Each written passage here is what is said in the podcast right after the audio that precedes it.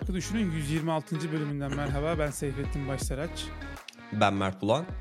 E, Mert yine e, son gün artık bugün sabah kaydı yapıyoruz. E, senin Almanca kursunun ertelenmesinden dolayı akşamların dolu oluyor. Nasılsın? Nasıl geçti haftan? Benim haftam yoğun geçiyor abi. Senin de bahsettiğin üzere. E, Almanca kursum bu sefer intensive aldım. E, A2.2 seviyesinde şu anda kurs alıyorum. Bilenler bilir böyle İngilizce'de de gene benzer şey, şekilde e, leveller var. Her bir level işte iki sub levelden oluşuyor. İlkini ben A2.1'i semi intensive olarak almıştım. Orada e, haftada iki gün işte üçer saatten totalde iki ayda bir sub leveli bitiriyordum. Unutmuşum ben de bir sonraki leveli almayı. Sonra bir baktım yer kalmamış. Yer kalmayınca hmm. ya dedim ben bir ayım boş geçmesin.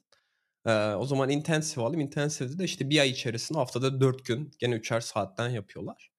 Ee, ama güzel geçiyor, keyifli geçiyor. Ee, çok geç bir hoca var. O da kendisi de zaten şeymiş Hamburg Üniversitesi'nde psikoloji okuyormuş. Bunu da böyle işte hani ek iş olarak e, Almanca öğretiyormuş. E, çok o yüzden hani bilmiyorum belki işte psikoloji okuyor olmasının da faydası olabilir. E, çok keyifli geçiyor yani öğretme anlatma stilleri falan da çok daha e, nasıl diyeyim eğlenceli oluyor. Hı hı. E, ha, haliyle ben de çok sıkılmadan işte her gün öyle şeylere gidiyorum yani kurslara gidiyorum. Ama işte kursa gidince de bu sefer şey kalmıyor. Başka şeyler yapmaya çok fazla zaman kalmıyor ne yazık Neyse, ki. Neyse ne kadar sürecek bu? Bir ay mı sürecek? Bu işte bu ayın sonunda bitiyor. Önümüzdeki ay tekrardan şeye başlıyorum. B1.1 hmm. için e, semi intensif olarak başlayacağım. O zaman işte gene tekrardan normal e, düzenimize geçeceğiz yani. Neyse AI çıkınca bunlara gerek kalmayacak Almanca falan. konuşacaksın çevirecek. Böyle AI şey yapayım. AI olabilir. Olabilir. Onunla olabilir. Ama işte OpenAI magazinsel çok konu var. Tabii olabilir. Ama işte e, bunun dışında tabii e, hafta sonu bir şeyler yapma fırsatım oldu. E, burada Hamburg'da Affordable Art Fair işte e, nasıl affordable hep ben çevirmekte hesaplı ulaşılabilir Hesaplı aynen. Hesaplı sanat fuarı vardı. Ee, işte böyle normalde işte bilmiyorum işte sanat eserleri işte milyon dolar vesaire falan olurken burada biraz şey e, işte gene pahalıydı aslında ben de onun, onu, onu o yüzden ekledim 3 yani. 3A hani sınıfından hani... Pelin Su'nun çizdiği resimler falan mı var? Yok gene sanatçılar var ama sanatçılar şey böyle gene e, Almanya'nın farklı yerlerinden gelen var. İşte Hong Kong'dan, Danimarka'dan, İspanya'dan, Portekiz'den falan böyle sanatçılar var. Ama böyle sanki daha e, aşırı popüler olmamış sanatçılar. O yüzden böyle eserler hani normal e, bilinen sanatçılar oranla daha uygun. İşte ne bileyim yani 3000-4000 euro falan gibi ya da işte 4 500-600 euroya falan da böyle ufak eserler, boyut olarak da ufak olan eserleri şey yapabiliyorsun, bulabiliyorsun. Hı-hı. Ama bana gene de şey oldu yani pahalı geldi açıkçası. Ee, kime göre o kadar da yani hesaplı gelmedi. Ben bir şey almadım. Aynen kime göre kime göre affordable oradaki şey biraz tartışmalı. Ee, benim bir de orada ilgimi çeken şey, dikkatimi çeken şey şu oldu. Ee, yani bazıları da mesela sanatçılar şey yapmışlar, fotoğraf getirmişler. Yani şeyler çok güzel eserler vardı. Kendi boyama, çizme vesaire gibi e, ya da işte e, böyle şey var şişenin içerisine minyatür şeyler yapma gibi hmm. eserler vardı. Ama bir de fotoğraflar falan vardı. Onlar beni biraz şey yaptı yani. E, bir fotoğrafa ben niye işte sadece hani kocaman kanvasın üzerine basmışlar şeyi fotoğrafı. Ama fotoğraf oldu zaten böyle şey değil. Bir de renklerle de böyle acayip oynanmış zaten. Bariz belli yani. Hmm, evet. İşte arabanın oradaki işte kırmızı rengini şey yapmış bayağı parlatmış falan. Şimdi ben orada mesela onu düşündüm. Şimdi adam da yazmış oraya 5000 euro fiyat diye. Yani hani fotoğrafa bu kadar da çok oynanmış bir fotoğrafa ben niye 5000 euro vereyim? Çok Biraz şey gelmedi bana açıkçası Sen anlamlı gelmedi bana. Ya, yani. Ya, ya, ya şey olarak yani çünkü fotoğraf bir de abi adamda orijinali var. Şimdi ben nereden bileceğim? Burada fuarda görüyorum adamı alıyorum. Şimdi yarın öbür gün başka fuara gidecek bir daha bastıracak. Aynı şeyi 5000 euro bir daha satacak. Yani biraz şey geliyor bana yani. Hani hakikaten fotoğraf alacak olsam ne bileyim işte bir, lisansıyla falan filan alırsın ki başka yerde de kullanabilesin değil mi? NFT Dijital gibi bir şey olmuş seninki. Aynen. Bilmiyorsun yani işte o bende biraz şey garip geldi. Ama diğer eserler hani mantıklı çünkü işte onun boyaması falan filan bir sürü zaman alıyor. Ee, haliyle oradaki şey biraz daha fiyat an- olarak anlamlı geliyor bana. Ee, çok şey olmuyor. Ama bu fotoğraflarda biraz şey oldum yani açıkçası. Zaten bir sürü editlemişsin falan filan. Eee, hani ona biraz böyle şey yapamadım. Sanat gözüyle bakamadım diğer şeyler oranla. Ama genel anlamda güzeldi. Biraz ufak geldi bana. Çok şey de gel gelmedi. Büyük de bir fuar da değildi. Çok böyle bir saatte falan, bir buçuk saatte falan şey yapabiliyorsun. Turlayıp bütün eserlere bakabiliyorsun. Ama güzel bir deneyim oldu benim için. Daha önce bu Hamburg'un işte fuar alanına hiç gitmemiştim. Kapalı bir fuar alanı var kocaman. Hımm. Onun bir kısmını zaten ayırmışlar sadece. Eee, onu da böyle deneyimlemiş oldum. Senin haftan nasıl geçti? Sen tabii kurstan dolayı çok akşamları bir şey yapamadığından dolayı sende çok malzeme yok. Öyle zannediyorum. Kitap falan mesela nasıl okudun mu bu hafta kitap? Son 2 Kitap hafta. okudum. Kitap okudum. Şeyi, eee, okumaya devam ediyorum. Eee, The Dawn of Everything'i, eee, David Graeber'in kitabını. Okay. Eee, orada bayağı bir şey var. Bahsedeyim mi istersen? Eee, yo, ben bir istersen şey yapayım. Hani ben de ben bayağı Haftandan yani başla. seyretme olarak da Ted Lasso'nun 2. sezonunu bitirdim. Eee, bence 2. sezon 1. sezona göre çok daha iyiydi. Neden bilmiyorum öyle hissettim yani. Hı hı. Eee, onun dışında işte 3. sezonuna başladım. 1. bölümünü falan seyrettim. Onun dışında Shrinking dizisini bitirdim. Hımm. Ya, Apple TV Plus'a para verince hepsini bitirip böyle bir an evvel iptal etme aşamasına gelmek istiyorum. $10 çünkü. Eee, Çok. o yüzden, eee, olabildiğince Apple TV'den gitmeye çalışıyorum. Eee, güzel şeyler var ya, çizgi filmler var. Bu Stillwater diye bir tane 3 boyutlu çizgi filmi var mesela. Olan onu seyrediyoruz. Snoopy hı. Show var. S Peanuts'ın eski bölümleri var ve onların hepsini Türkçe dublajlı olarak yayınlamışlar. A! Aynen Türkçe dublajlı olması da iyi oldu. Eee, onun dışında bir film seyrettim. Ona ondan bahsedeceğim ama onu o bir yarım saat falan bahsedeceğim için istersen sen birazcık, Dawn of Everything'e devam et. Ondan sonra, ben de kitaplara Olur. geçeyim. Olur. Ya, ben, işte, daha önceki bölümde bahsetmiştim. İşte 100 sayfasını falan okudum dedim. Şimdi herhâlde 200-250 sayfa bayağı şey yaptım yani yaraladım kitabı. Ya ilk yorumum aynı şekilde geçerli. Yani şu son zamanlarda okuduğum en iyi kitap diyebilirim. Çünkü kitap artık, eee, şeylerden bahsetmeye başladı. Göbeklitepe'ye daha çok değinmeye bahset ba başladı. Eee, bir de Çatalhöyük'ten bahset Hı hı. ba ba bahsetmeye başladı yazar. Ben tabii yani bu hani Göbeklitepe'yi, eee, gene böyle yabancı kaynaklardan falan Hacker News'e bile düşmüştü. Eee, çok detaylı olarak oralardan biraz okumuştum.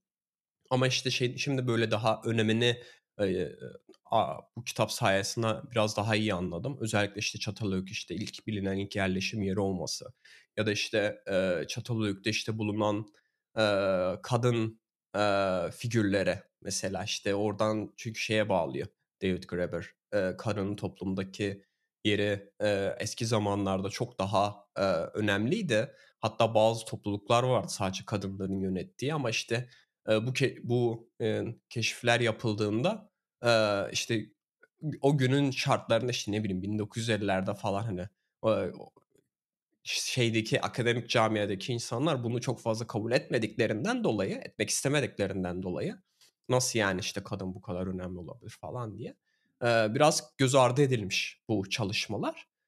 Şimdi tekrardan David Graeber aslında bu çalışmalara biraz, ön ön plana çıkartmaya çalışıyor. İşte oradaki mesela şeye düşünüyorlar işte kadın bir lider olabilir çünkü işte işte Çatalhöyük'te şeyde var Google'lasınlar. Ben gene belki şeyini de koyarım, linkini hı. koyarım. Orada bayağı böyle bir kadın heykeli var. Eee, işte göğüslerini falan görebiliyorsun böyle.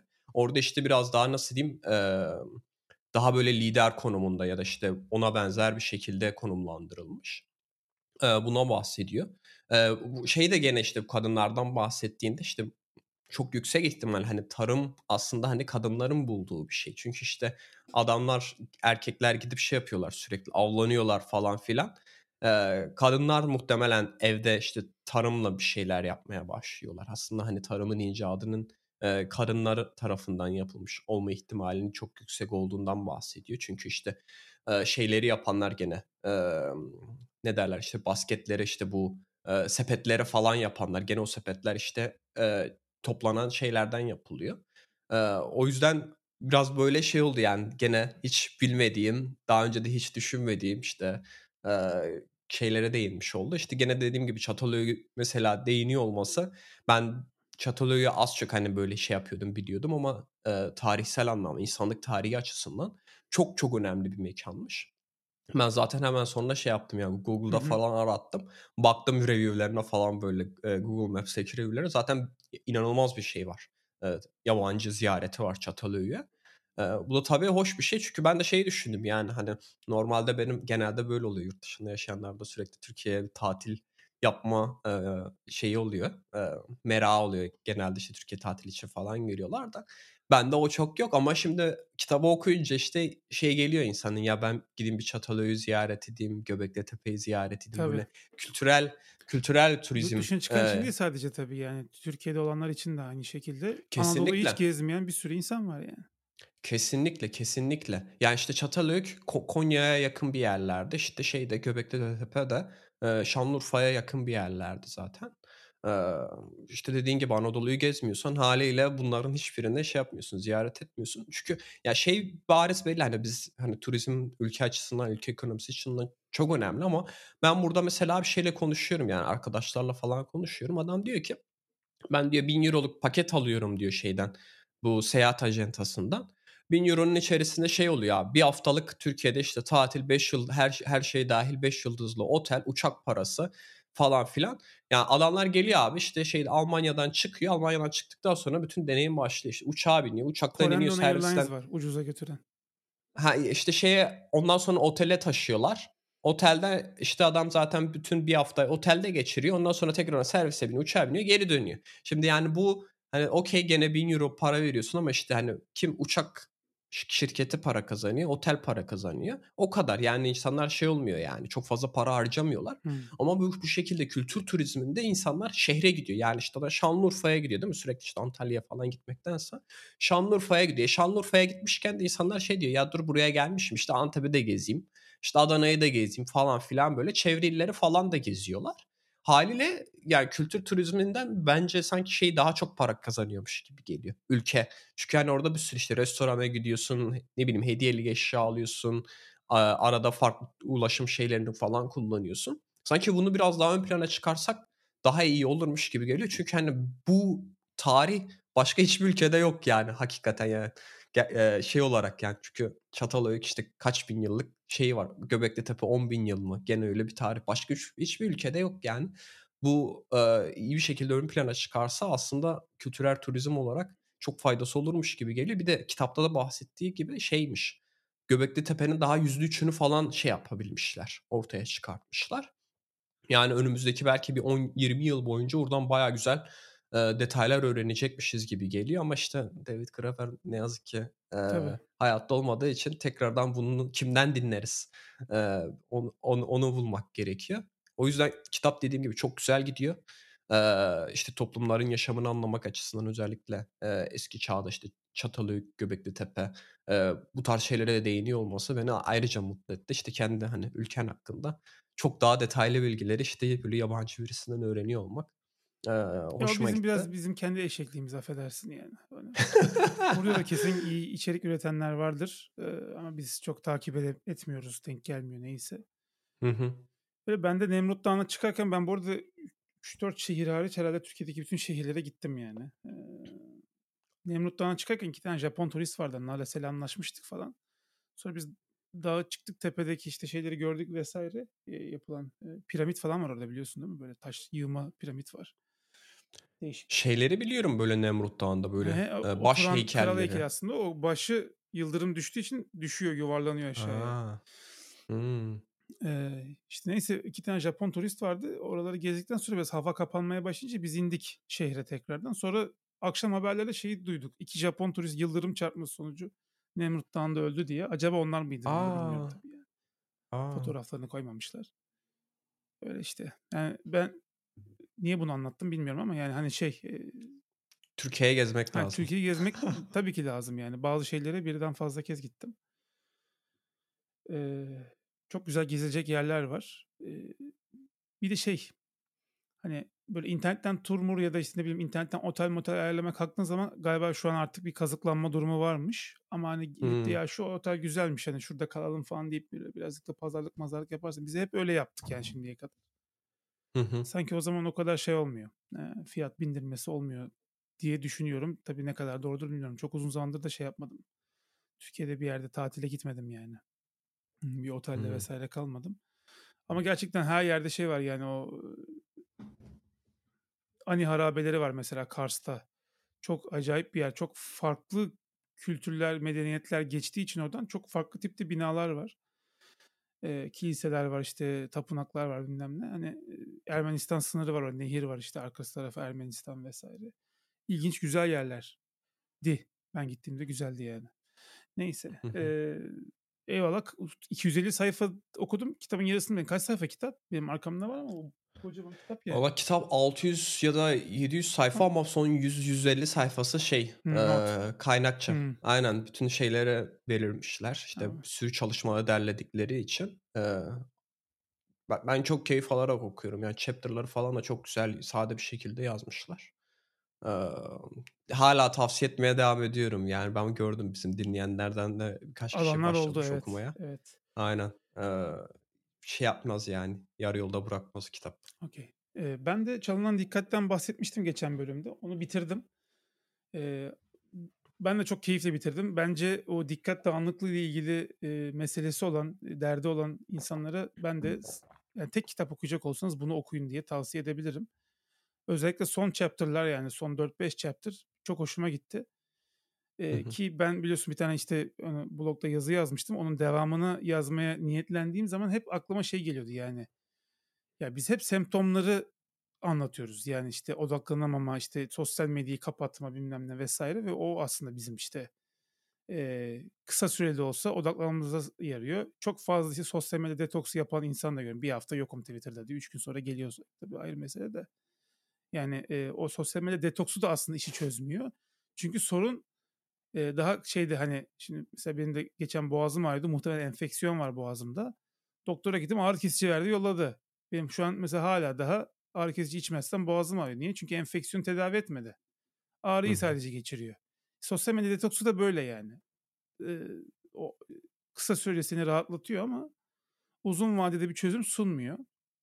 Aslında kitabın işte son 4-5 chapter aslında bunlara değiniyor. Yani eee, insanın hayatıyla ve çevresel faktörlerle alakalı aslında bu sosyal medya ya da işte odaklanamama bağımlılığının eee, odaklanamama halinin devam etmesi.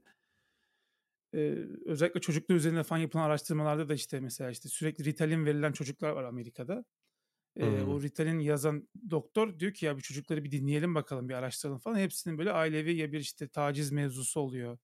Eee, üvey babası tarafından. Yani eee, insan kendisini güvende hissetmediğinde işte bankada mesela yeterli parası birikmişi olmadığında vesaire o zaman odak dağılması çok daha çabuk oluyor diye anlatıyor. Onlarla ilgili araştırmalar yapılmış hep. Onlardan bahsediyor. Hakikaten şey yani birazcık hayati şartları değiştirince o odaklanmanın ortadan kalktığını işte bir hedefinin olması, bir odağının olması, işte ben şunu gerçekleştireceğim, şunu başaracağım diye bir kutup yıldızının olması eee, senin odaklanmana çok daha fazla yardımcı oluyor ama öteki türlü böyle herhangi bir hedefin vesaire olmadığı zaman çok daha kolay bir şekilde elin işte telefona, sosyal medyaya gidiyor. Yani kitabın ilk yarısı şeyi çok güzel anlatıyordu ama onlar zaten bildiğimiz şeyler. İşte bu sosyal medya uygulamaları seni bağımlı yapmak için tasarlanıyor. İşte senin datanı bilmem ne yapıyor, satıyor. Onlara da ufak tefek değiniyor işte. Ee, işte sürekli herkes telefonuna bakıyor vesaire vesaire. Adam zaten detoks yaparak başlıyor yani kitabı detoksunu anlatıyor. 3 aylık bir detoks yapıyor. Hiç yanına telefon almıyor. Bir tane tuşlu telefon alıyor. Tamam o Hımm. kısmı biliyoruz zaten. Hani o zaten benim de yazdığım kısım. Eee, onu nasıl çözeceğimi biliyoruz ama ikinci kısımda daha bunun hayati faktörlerden geldiği, sizin hayat şartlarınızla alakalı olduğunu anlatması güzel oldu. Açıkçası beni de ekstradan düşündürdü yani. Hani bazen böyle benim de bir dönem dönem çok kullandığım oluyor. O dönemlerde genellikle böyle işte bileyim, yorulmuş oluyorum. Çocuklar uyumuş oluyor falan mesela. Veya biraz dinleneyim deyince mesela gidiyor elim gibi bir durum var. Hı. o açılardan onları anlamak adı adına güzel oldu. Bu kitabın da yine son 100 sayfası falan şey not 50-100 sayfası. Eee, o yüzden böyle pat diye bitti yani daha bir sürü sayfa var derken bitmiş Hımm. oldu. Bir de eee, şey tarafından da birazcık bahsediyor en son. Son en son chapter yani ne yapabiliriz buna karşı diye. İşte bu bir dikkat devrimine ihtiyaç var diyor yani insanların bir şekilde ayaklanıp devletlerin belli regülasyonlar uygulaması özellikle sosyal medya uygulamaları için eee, gerek var diyor. Tabii ki işte psikoterapi vesaire gibi şeylere de ihtiyaç var. Çünkü Hı hı. benim çocuğumun dikkati çok dağılıyor diyorsun ama aslında işte okulda bir olay oluyor. Çocuk kendisini güvende hissetmiyor ya da evde bir şey oluyor. Güvende hissetmiyor. Yani bunların eee, detayına inmek gerektiğinden bahsediyor. Böyle eee, kısa kısa hani neler yapılması gerektiğini de anlatmış. Eee, güzel bir kitaptı yani. Eee, bu sene okuduğum en iyi kitaplardan bir tanesiydi bence. Eee, o yüzden de tavsiye ediyorum çalınan dikkati. Süper. Şimdi Ben a, şeye belki biraz Hı, bahsedeyim bahset. ya. Ben uzun zamandır bıraktım hani sosyal Ha, medyayı. etkilerini söyle. Hakikaten ben de bayağı yani çok fay- faydasını görmeye başladım ama şeyi çok iyi hissediyorsun abi. Mesela işte şimdi Almanca kursuna gidiyorum. Orada mesela işte bazıları soruyor işte hani e, seni Instagram'dan mı takipleşelim falan filan. Yok diyorum kullanmıyorum diyor. Ne kullanıyorsun? diyor. Hiçbir şey kullanmıyorum diyorum.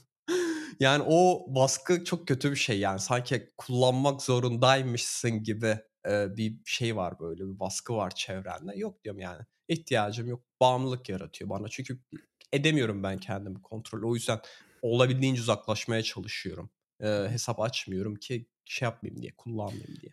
Evet yani geri kalmışlık şeyi gibi o e, işareti olarak görüyor insanlar yani. Aa sen sosyal medyada yok musun falan diye. E, Aynen. LinkedIn vardı. Oradan eklesin şey olarak. Ya e, ama işte insanlar bilmiyorum onu belki biraz daha profesyonel olarak görüyor olabilirler ama yani hakikaten bu e, işte sosyal medyada olman gerekiyor. Her şeyi takip etmen gerekiyor. E, şeyi çok biraz anlamsız yani çünkü bazen bizim Telegram grubunda da konuşuluyor yani işte ya Türkiye'de işte şimdi X, Y konusu işte tartışıyor. Onlara değinmemize gerek yok ama yani hakikaten ben hep orada da diyorum yani bunu okuyunca kime ne faydası var? Yani hiçbir Hmm. faydası yok. Sen yarın hayatına şey yapacaksın, devam edip Tabii gideceksin tabii. yani. Hani önemli bir olay yok yani. Önemli bir olay ne olur işte atıyorum e, devlette belki ne bileyim yasal bir değişiklikler olur. Onu da zaten devlet kaynakları vesaire şeyleri de oluyor. Kendi onların e, duyurdukları sistemlerde RSS falan da bulabiliyorsun artık yani. İşte ne bileyim resmi gazetenin falan da belki vardır. E onları takip edersin. Ya da işte o alanda bir uzman bir kişi varsa mesela ben şeyden de bahsedeyim. Bir, bir tane Nitr.net diye bir tane site var. Bu aslında şey yapıyor. Twitter client'ı gibi kullanabiliyorsun ama güzel kısmı RSS sunuyor sana ve Twitter'ın o bütün saçmalığından uzak duruyorsun. Bu açık kaynaklı bir sistem. Ee, ben mesela işte takip etmek istiyorum. İşte Emrah Sefa Gürkan'ı ben takip etmek istiyorum ama Twitter hesabı açmak istemiyorum. O zaman gidiyorsun abi mesela e, Emrah Sefa Gürkan'ın oradan şeyini buluyorsun, profilini buluyorsun. Daha sonra gidip e, RSS yerini alıyorsun. Ben kendi RSS reader'ıma ekledim onu. Ne zaman kendisi tweet atsa ben şey yapıyorum ama işte oradaki şey güzel kısım bütün o tartışmalardan vesaire falan her şeyden uzaktasın. Ee, böyle güzel bir şekilde izole edebiliyor seni ve takip etmek istediğin kişileri de hala takip edebiliyorsun. Ben mesela işte bu sayede o şeyden de şey yapıyorum. Çünkü ben önemsiyorum işte Emrah Safa Gürkan ne demiş vesaire diye. Şey, fear of missing out'tan da aslında şeyden uzaklaşmış Nasıl oluyorum. yapıyor peki Ee, o bu dediğin şey? Çünkü API abi API onu şeyi yok ya. onu açıkçası bilmiyorum. Acaba şey mi yapıyor? e, normal bir kullanıcı olarak girip e, kendileri bilmiyorum. Açık açık kaynak aslında açıp bakmak lazım. Ben çok detayını okumadım. Ama yani sistem çok güzel çalışıyor ve şey de yapabiliyorsun sen bu işte Mastodon gibi kendi instance'ını kurabiliyorsun. Çünkü ben mesela işte e, Hmm. dedim belki daha hızlı olur Bayağı falan diye Almanya'da kurulmuş bir sistem. gibi gidip. O da olabilir. O da olabilir. Ama bayağı bildiğin şey yapabiliyorsun yani. Bir kullanıcının profilini ziyaret edebiliyorsun. Hatta şey e, benim yanlış bilmiyorsam e, ilerleyen zamanlarda böyle kendi şeyini de getirecekler. Account a- a- açabilme özelliğini de getirecek. Hani böyle sanki e, paralel bir Twitter hani e, ama işte sadece şey için hani okumak için yazmak Hmm. için değil de sadece okumak için bir kurabileceğin bir Twitter şeyin olacak. Sen paylaştın da Benim ben bakamadım ona ya. Yani bir ara araştırırım. Güzel fikirmiş. Kesinlikle açık kaynak olması da çok güzel. Hollandalı herhalde birkaç yazılımcı şey yapmışlar. Herkes daha sonra da işte katkı sunmaya falan başlamış. Böyle bir sürü instance var. Türkiye'de yoktu. Instance kurmamış kimse henüz. Ee, ama işte şeyi nasıl çal- çalışıyor ben de detaylı okumadım. Şeyi benim sadece çok hoşuma gitti. İşte RSS olması çok hoşuma gitti. Hı hı. Ee, çünkü şeyde bile mesela RSS uygulamalarında bile bazıları şey izin veriyor. Sen Twitter ekleyebiliyorsun takip etmek istiyorsan başkalarını ama şey istiyorlar hani sen bir login ol. Ee, sanki Twitter'ın hesabının olması gerekiyor işte o API limitlerinden dolayı ama işte sen login olunca normal kullanıcı gibi okuyorsun aslında.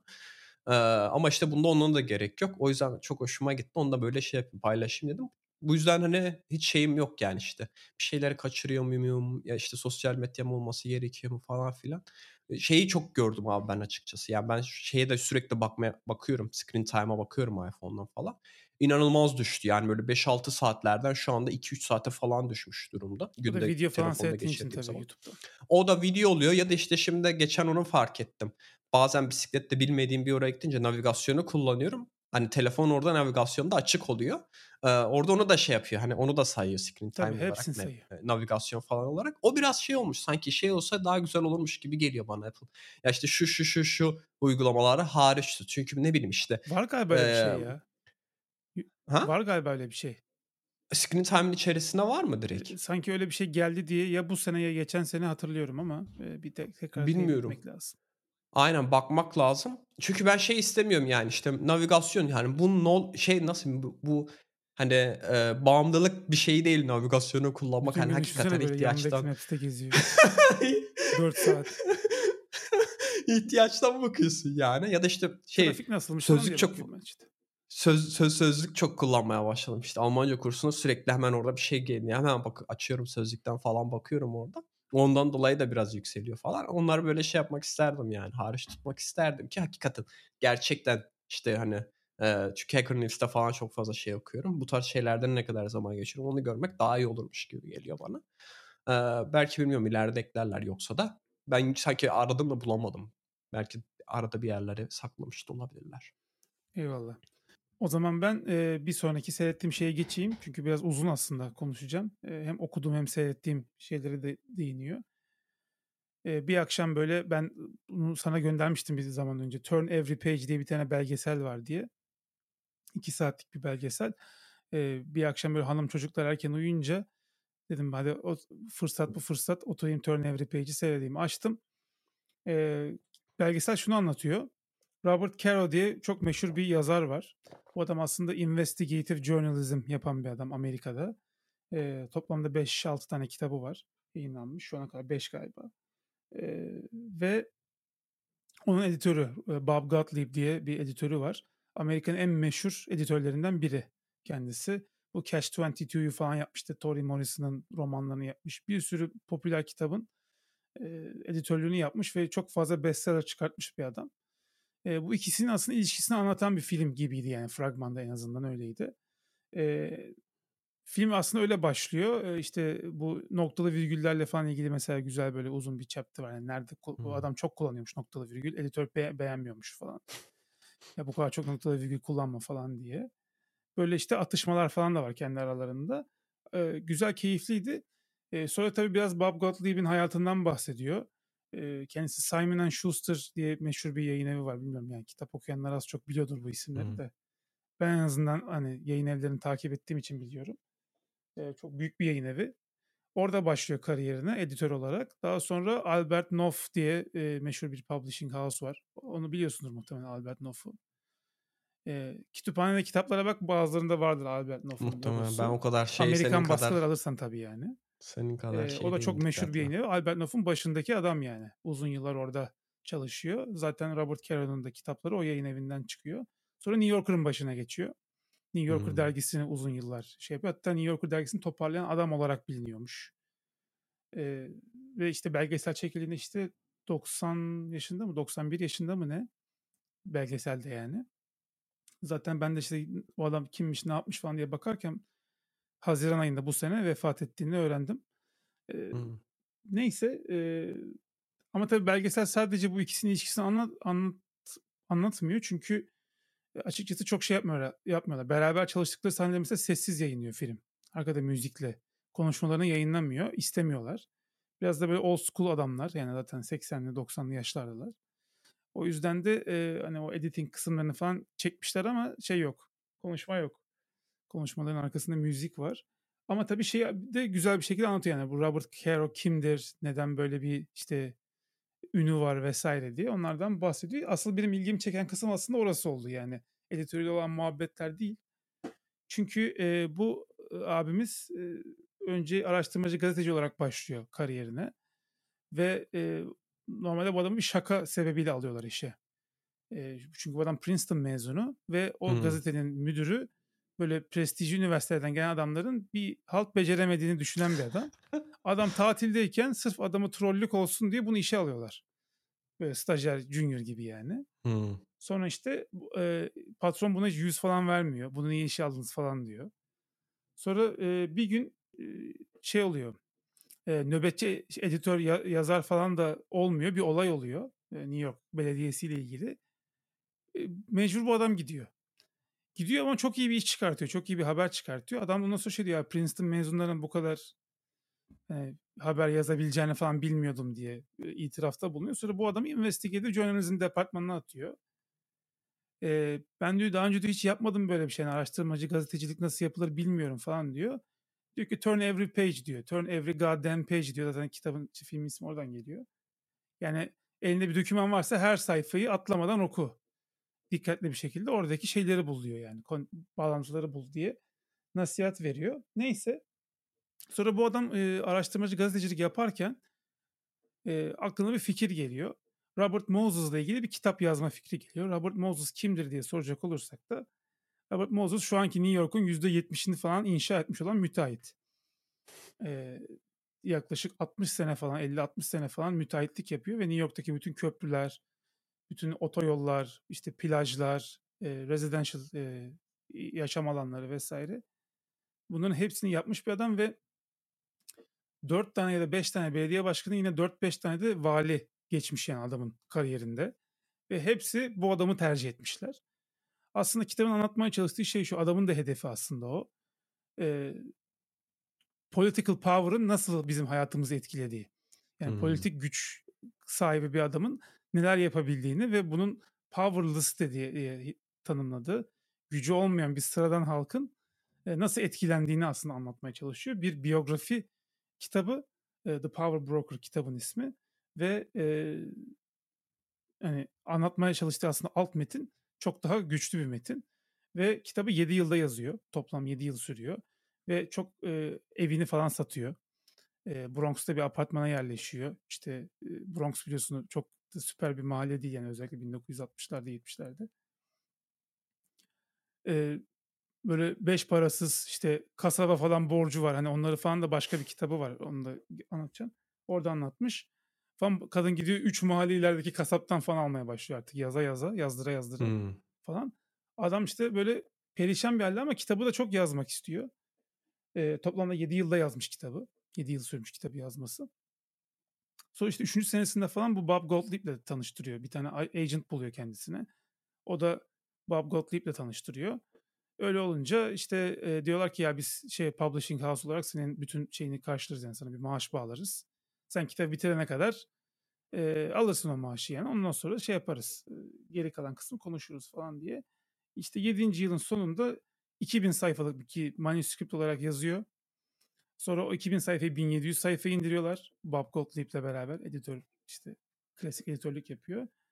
Sonra da 1274 sayfaya falan iniyor yani. Son final hali 1274 sayfa bir kitap. Ee, ve hiç atmak istemedim diyor. Bu arada filmde de Bob Gottlieb diyor ki yani hiçbir kısmını aslında kitap atmak istemedim ama bunu bastıramayız yani 2000 sayfalık bir kitabı bastırıp da kitap evlerine sattıramayız çünkü istemiyorlar. Hem raf alanı hem pahalı oluyor. İşte iki ve edition mi yapsak, volume 1, volume 2 mi yapsak falan hmm. diyor yazar. O da diyor ki bak diyor Robert diyor yani insanların diyor Robert Moses gibi bir adama ilgi duymasını sadece bir kere sağlayabiliriz diyor yani. Anladım ikinci volümün çıktığını kimseye duyuramayız diyor. O da ilginç bir bu arada düşünce. Çünkü Robert Moses kimsenin bilmediği bir adam. Çünkü hiç bir şekilde bir belediye başkanlığı, valilik falan yani adamın herhangi bir official title'ı olmamış hiçbir zaman. O yüzden hmm. de insanlar bilmiyorlar yani bu adam kimdir diye. Neyse kitabı ben bu arada sahaftan buldum. Hatta ilk baskı, ilk paperback baskısı böyle şöyle tuğla gibi bir kitap. Power Broker. Ee, o benim çok hoşuma gitti. Daha sonraki kısımları da anlatacağım. Ee, hatta e, Working diye bir kitap yazdığını gördüm belgeselde. Belgesel bunu özellikle bahsetmiyor da imza dağıtırken Working diye bir kitabı olduğunu gördüm. Baktım Amazon'da var. Onu hemen sipariş ettim. Çünkü bu Power Broker bulmak çok kolay olmadı. Hı Working diye bir kitap var. Bu aslında kitap şöyle oldu. Hem Power Broker'ın özeti var bunun içerisinde. Kaba taslak bir özeti hı. var. Hem de diğer kitapların özeti var. Neyse neticede toplamda 7 yıl sürüyor ve anlattığı şeyler yani acayip şeyler. Ee, çok basit bir tane örnek vereceğim. Yani çok aşırı uzatmamak için e, podcast'i. Eee, bir tane köprü yapılacak. Köprü projesi var. Ve, eee, köprü, işte, 2 otoyolu birbirine bağlıyor. Çünkü biliyorsun New York aslında adalardan oluşan bir şehir. Ve normalde ilk projede, böyle, dümdüz bir köprü yapılacakken köprü projesi bittiğinde köprüden indiğinde, böyle, S şeklinde bir kıvrım var. Ondan sonra ana yola dönüyorsun, böyle. Saçma sapan bir şeyi var yani, eee, yolu var. Hatta mafya oyununu oynayanlar bilirler. Öyle bir köprü var mafya oyununda. Çünkü New York'tan modellendiği için mafyanın şehri. Eee, öyle otistik bir köprü var yani saçma sapan. Neyse, eee, onun sebebi şuymuş: Normalde o köprü düz olacakmış. Fakat o köprünün ayağının olduğu yerde bu Robert Moses'ın arkadaşının golf sahası varmış. Adam diyor ki, "Bu golf sahasının" diyor, "üzerinden geçirmeyin köprüyü. Ben" diyor, "sizin" diyor, işte, eee, Otoyollar Araştırma Komisyonu'nun başında şey Robert Moses.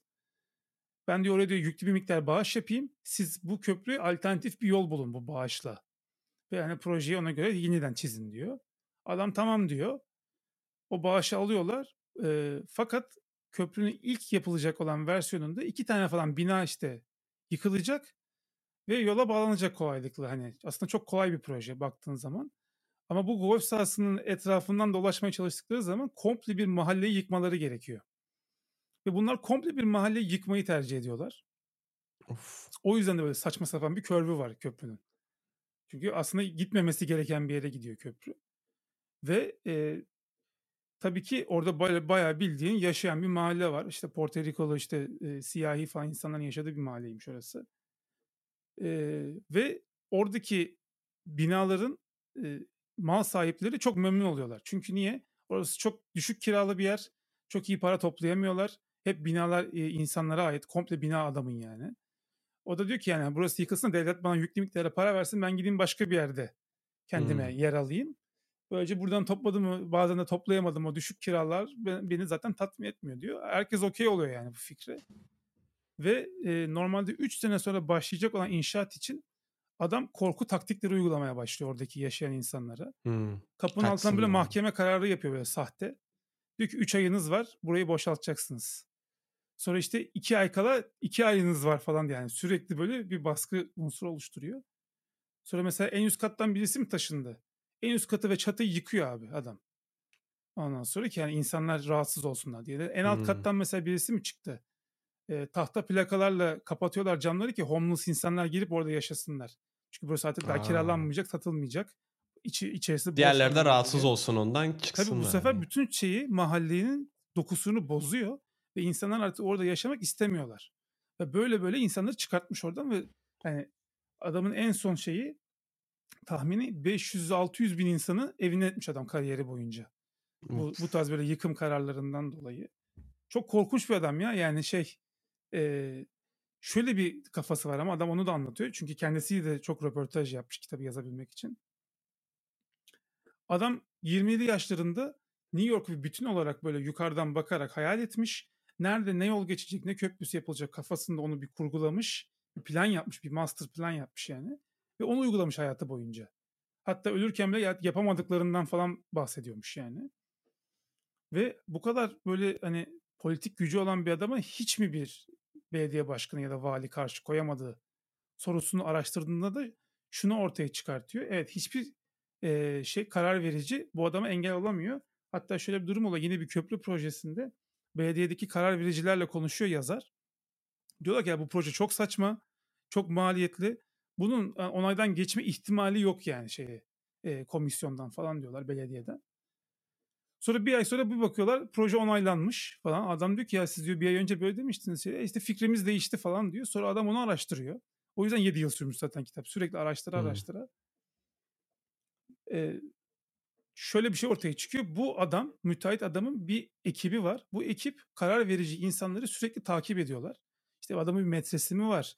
İşte gizli bir kulübe mi gidiyor? Bilmem ne delil topluyorlar abi.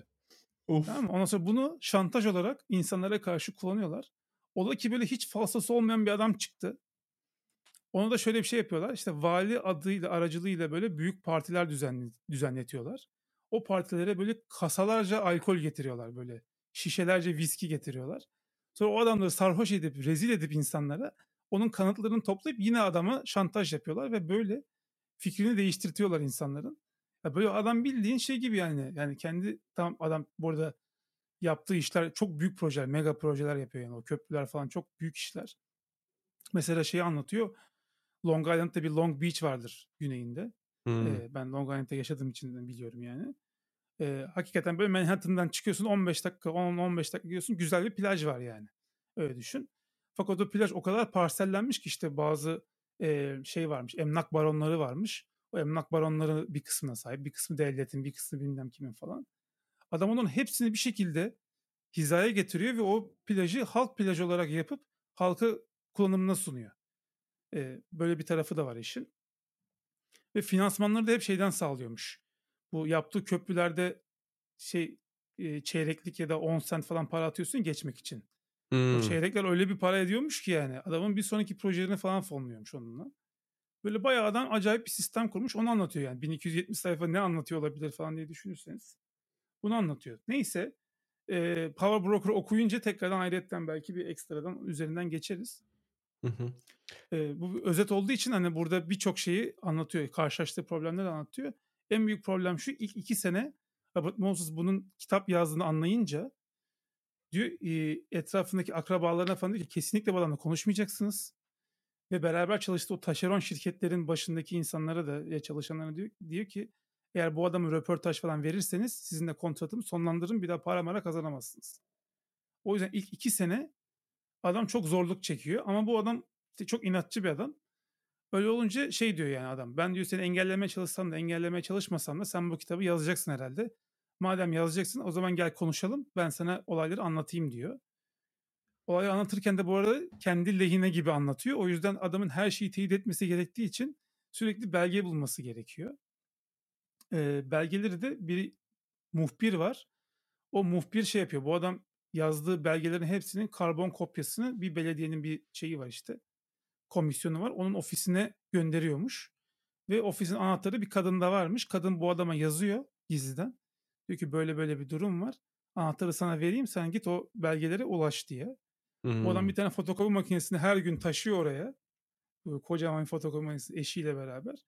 Götürüyor belgeleri tarıyor. Bakıyor ko- kopyalanacakları kopyalıyor eve götürüyor çalışıyor falan. Hakikaten deli işi yani. Şimdi deli işi derken bu ilk 7 senesi böyle adamın. Sonra bu kitap çıkıyor çıktı gibi dev bir bestseller oluyor. Üniversitelerde falan okutuyorlarmış kitabı çocuklara. Political Hı hı. power anlasınlar diye. Sonra e, bir sonraki kitap içinde şey diyor işte LaGuardia var o zaman New York'un belediye başkanı. Onun hayatını yazayım diyor. Sonra yazarken yani araştırmaya başlayınca şey diyor ya, ya zaten bunun bir benzerini ben yazdım yani Robert Moses'ı. Bir de LaGuardia'yı yazdığım zaman hani onun şey gibi olacak. Benzer devamı gibi olacak. Ben diyor bu işi büyüteyim Amerikan başkanını yazayım diyor. Hmm. Lyndon Johnson var işte o zaman Amerikan başkanı. Lyndon Johnson'ın e, hayat hikayesini yazmaya karar veriyor. E, zaten Bob Gottlieb de aynı aynı anda birbirlerine aynı şeyi teklif ediyor. Ya biz LaGuardia yazmasak da Lyndon Johnson'ı mı yazsak diye.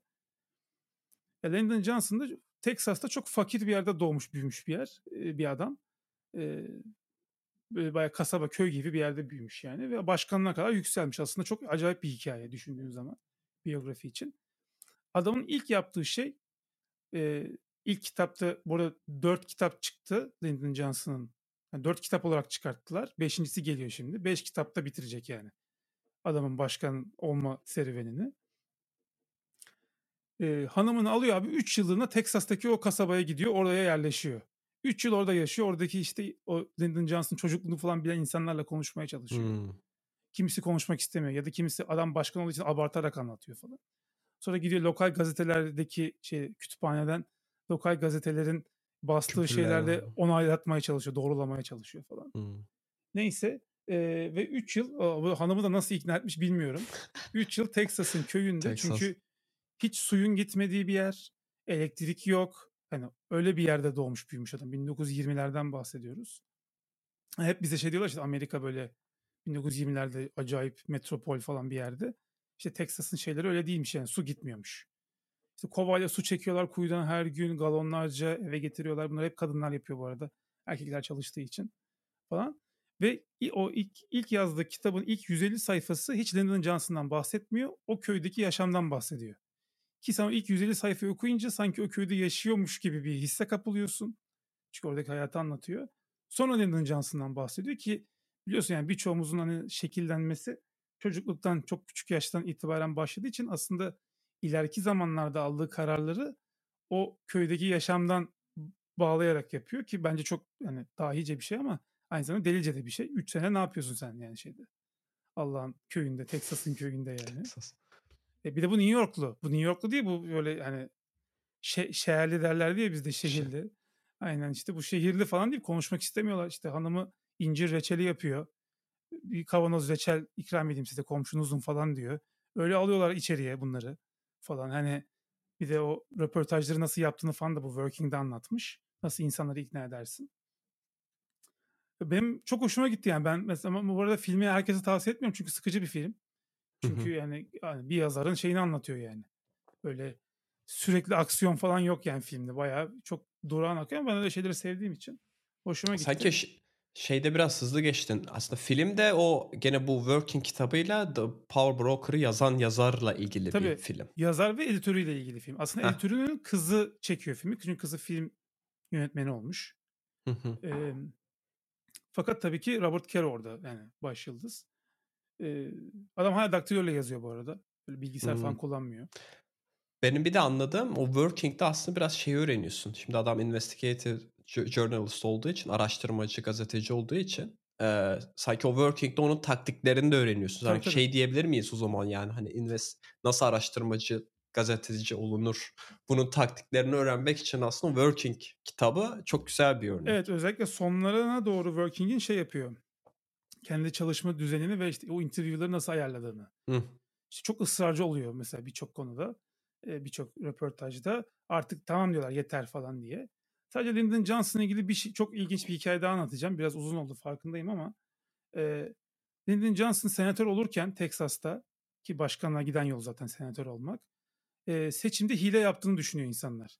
Çünkü seçimden hmm. bir gün önce 30 bin oy gerideyken seçim günü bir anda adam kazanıyor senatörlüğü ve Teksas'ın çölünde 13 numaralı sandık diye bir sandık buluyorlar. İçinde oylar var ve e, çölün ortasında bir, e, Meksikalı bir adamın bıraktığı ortaya çıkıyor. Sonra Lyndon Johnson senatör olduktan sonra hatta belki başkana yükseldikten sonra bunun davası görülüyor Teksas'ta. Bu Meksikalı adamı çıkartıyorlar tanık olarak. Diyorlar ki sen anlat bakalım bu 13. sandık olayı nedir? Niye çölde böyle bir sandık bulundu falan diye. Adam tam anlatmaya başlayacak. E, mahkeme salonuna birisi geliyor. Yargıçla konuşuyor. Kulağına bir şeyler fısıldıyor. Bir üst mahkeme şeyi davayı düşürüyor. Ve olay böylece örtbas ediliyor. Şimdi bu adam diyor ki ben diyor bu böyle bir kitap yazıyorum. Benim bunu ispatlamam lazım. Yani bu adam gerçekten çaldı mı oyları yoksa çalmadı hmm. mı? Çünkü o zamana kadar hep işte bilmiyoruz, emin değiliz. İşte çok muallak falan diye anlatılıyormuş kitaplarda. Adam bir sene o yüzden uzatıyor kitabın yazımını. Bu şeyin peşine düşüyor. Meksikalı adamın peşine düşüyor. Önce diyorlar ki bu adam öldü. Oradaki insanlar. Eyvah diyor işte adam öldüyse nasıl delil toplayacağız? bir tek bilen adam o vesaire. Etrafındaki insanlarla falan konuşuyor. Bir tane kadın diyor ki o ölmedi. Meksika'ya gitti diyor. Tamam diyor bu diyor Meksika'ya gidiyor. Meksika'da adamın izini sürmeye başlıyor. Sonra diyorlar ki adam tekrar Amerika'ya geri döndü. Tekrar Amerika'da adamı en son bir karavanda buluyor. Bir karavanda yaşıyormuş adam. Karavanın kapısını çalıyor diyor ki ben diyor işte Robert Caro işte e, Lyndon Johnson'la ilgili bir kitap yazıyorum. O zaman diyor 13. sandığı merak ediyorsundur diyor adam hemen. E, evet diyor işte ben de onların hepsini yazdım diyor. Olay olduktan sonra adam bir kağıda oturmuş yazmış yani bütün e, o zaman yaşadıklarını. Adam onu veriyor. Ondan sonra adamın elinde kanıt oluyor. Tabii onun da yine lokal newspaper'lardan falan doğrulaması lazım haberlerle ama hakikaten adamın hikayesi uyuşuyor ve Lyndon Johnson aslında hile yaptığını öyle ortaya çıkartıyor.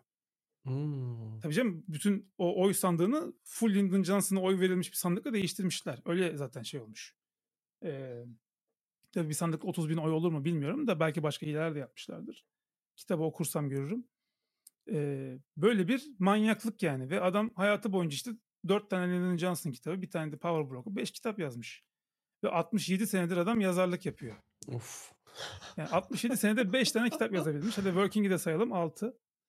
Working'i çünkü şey kendi röportajlarından falan derleyerek biraz yapmışlar. Bir kısmını kendisi yazmış falan.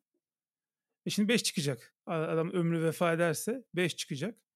Eee, bir de kendi biyografimi yazmak istiyorum dedi. Bir hatıra, anı kitabı. Ama bilmiyorum ömrü vefa eder mi? Çünkü 90 yaşına falan geldi sanırım. Eee, ama müthiş bir şey yani. Hani eee, adam acayip aslında hızlı bir yazar. Ben aşırı hızlı yazan bir adamım diyor. Günde bin sayfa, bin kelime yazıyormuş. Adamın öyle bir kuralı varmış. Her gün bin kelime yazacağım diye. Yazıyor yazıyor ama işte araştırma kısımları çok uzun sürüyor diyor.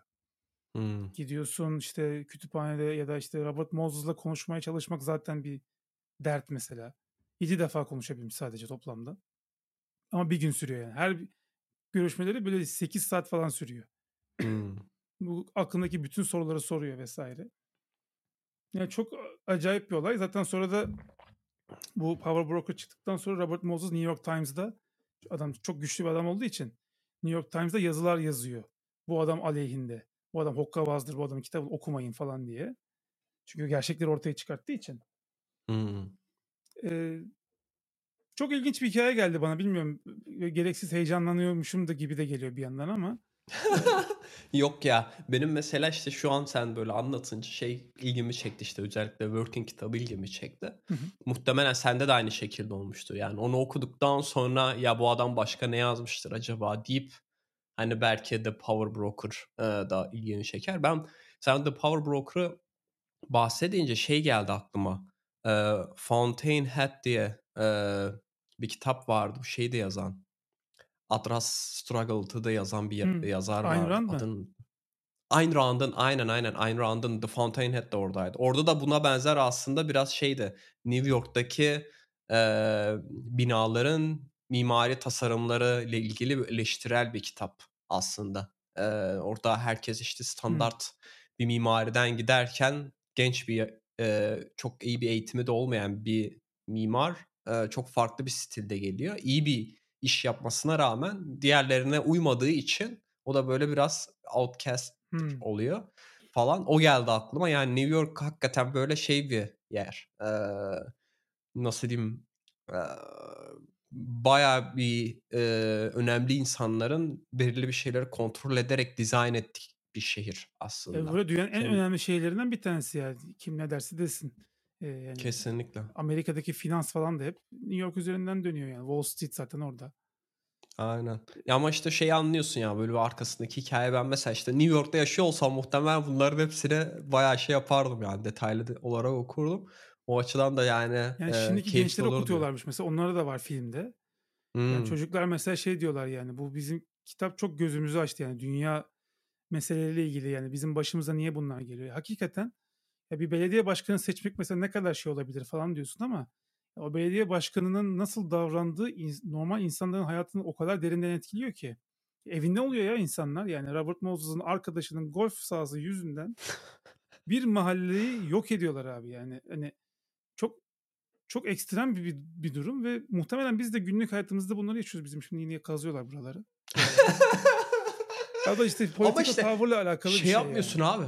Hem hem ya fark etmiyorsun sen ve bu kadar detaylı olarak şey de bulamıyorsun. İşte ancak böyle işte e, Robert Caro gibi bir adam çıkacak ki araştıracak, yazacak ki öyle ha- haberin olsun. Bak Lyndon Yani Johnson şeyi öldü bak çünkü adam hala Lyndon Johnson kitabı yazıyor. Lyndon Johnson öldü gitti yani adam.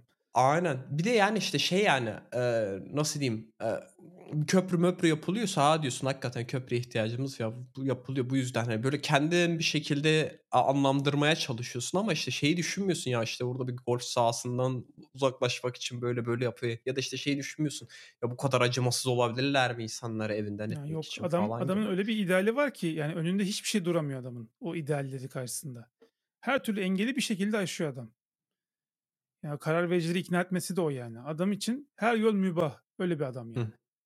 Ama onun sayesinde bayağı York'un belki %70'ini falan adam inşa etmiş yani. ya Eskiden mesela işte. Long Island'a gidiş yolları falan tek şeritmiş. Böyle köy yolu gibiymiş.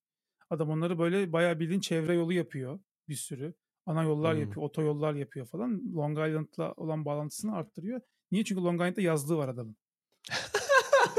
Yani çok acayip bir şey ya. Böyle okudukça şey oluyorsun. Hakikaten eee, Ya günün sonunda şeymiş gibi geliyor abi yani hani başkasının tasarladığı hayatı yaşıyoruz. Şimdi şey de olsa mesela ben belki gocunmam atıyorum 100 kişi tasarlasın hani 1000 kişi hı. belki böyle hani şehir mimarı vardır.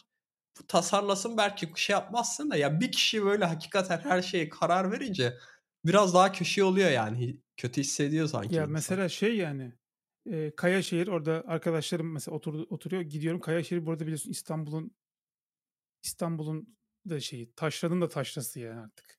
Kuzey batısında bir yer.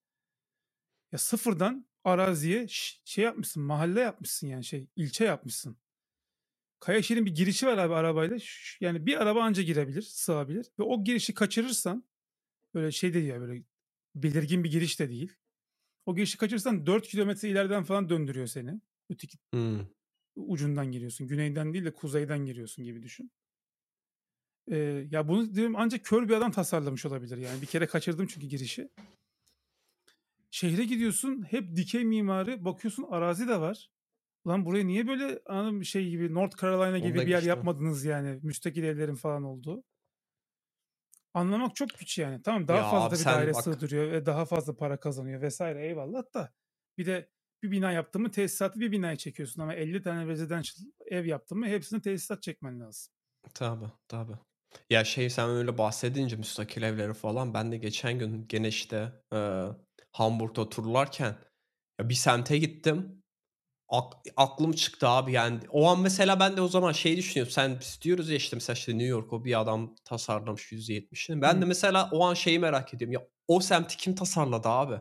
O kadar güzel ki ya şeyi an, algılayamadım ben mesela ya mesela hala Hamburg içerisinde benim burada evden böyle ne bileyim 2-3 kilometre falan uzakta. Ama böyle abi sanki farklı bir şeye kasabaya gitmişsin gibi. Hakikaten böyle bir kasaba hayatı var gibi. Böyle caddelerin etrafında full şey var müstakil müstakil evler var. Ondan sonra biraz daha gidince böyle ufak tefek dükkanlar falan var. Ve hakikaten o çok şeyi birilerinin böyle bir dizayn ettiğini çok net bir şekilde görebiliyorsun. O anda da şeyi merak ediyorsun. Ya kim akıl etti abi yani böyle Ya bir işte o yaşamı? belediyedeki şeylerin verdiği onaylar, hangi mimara verdikleri, şehir planlayıcısı olarak kimi seçtikleri bu çok etkiliyor.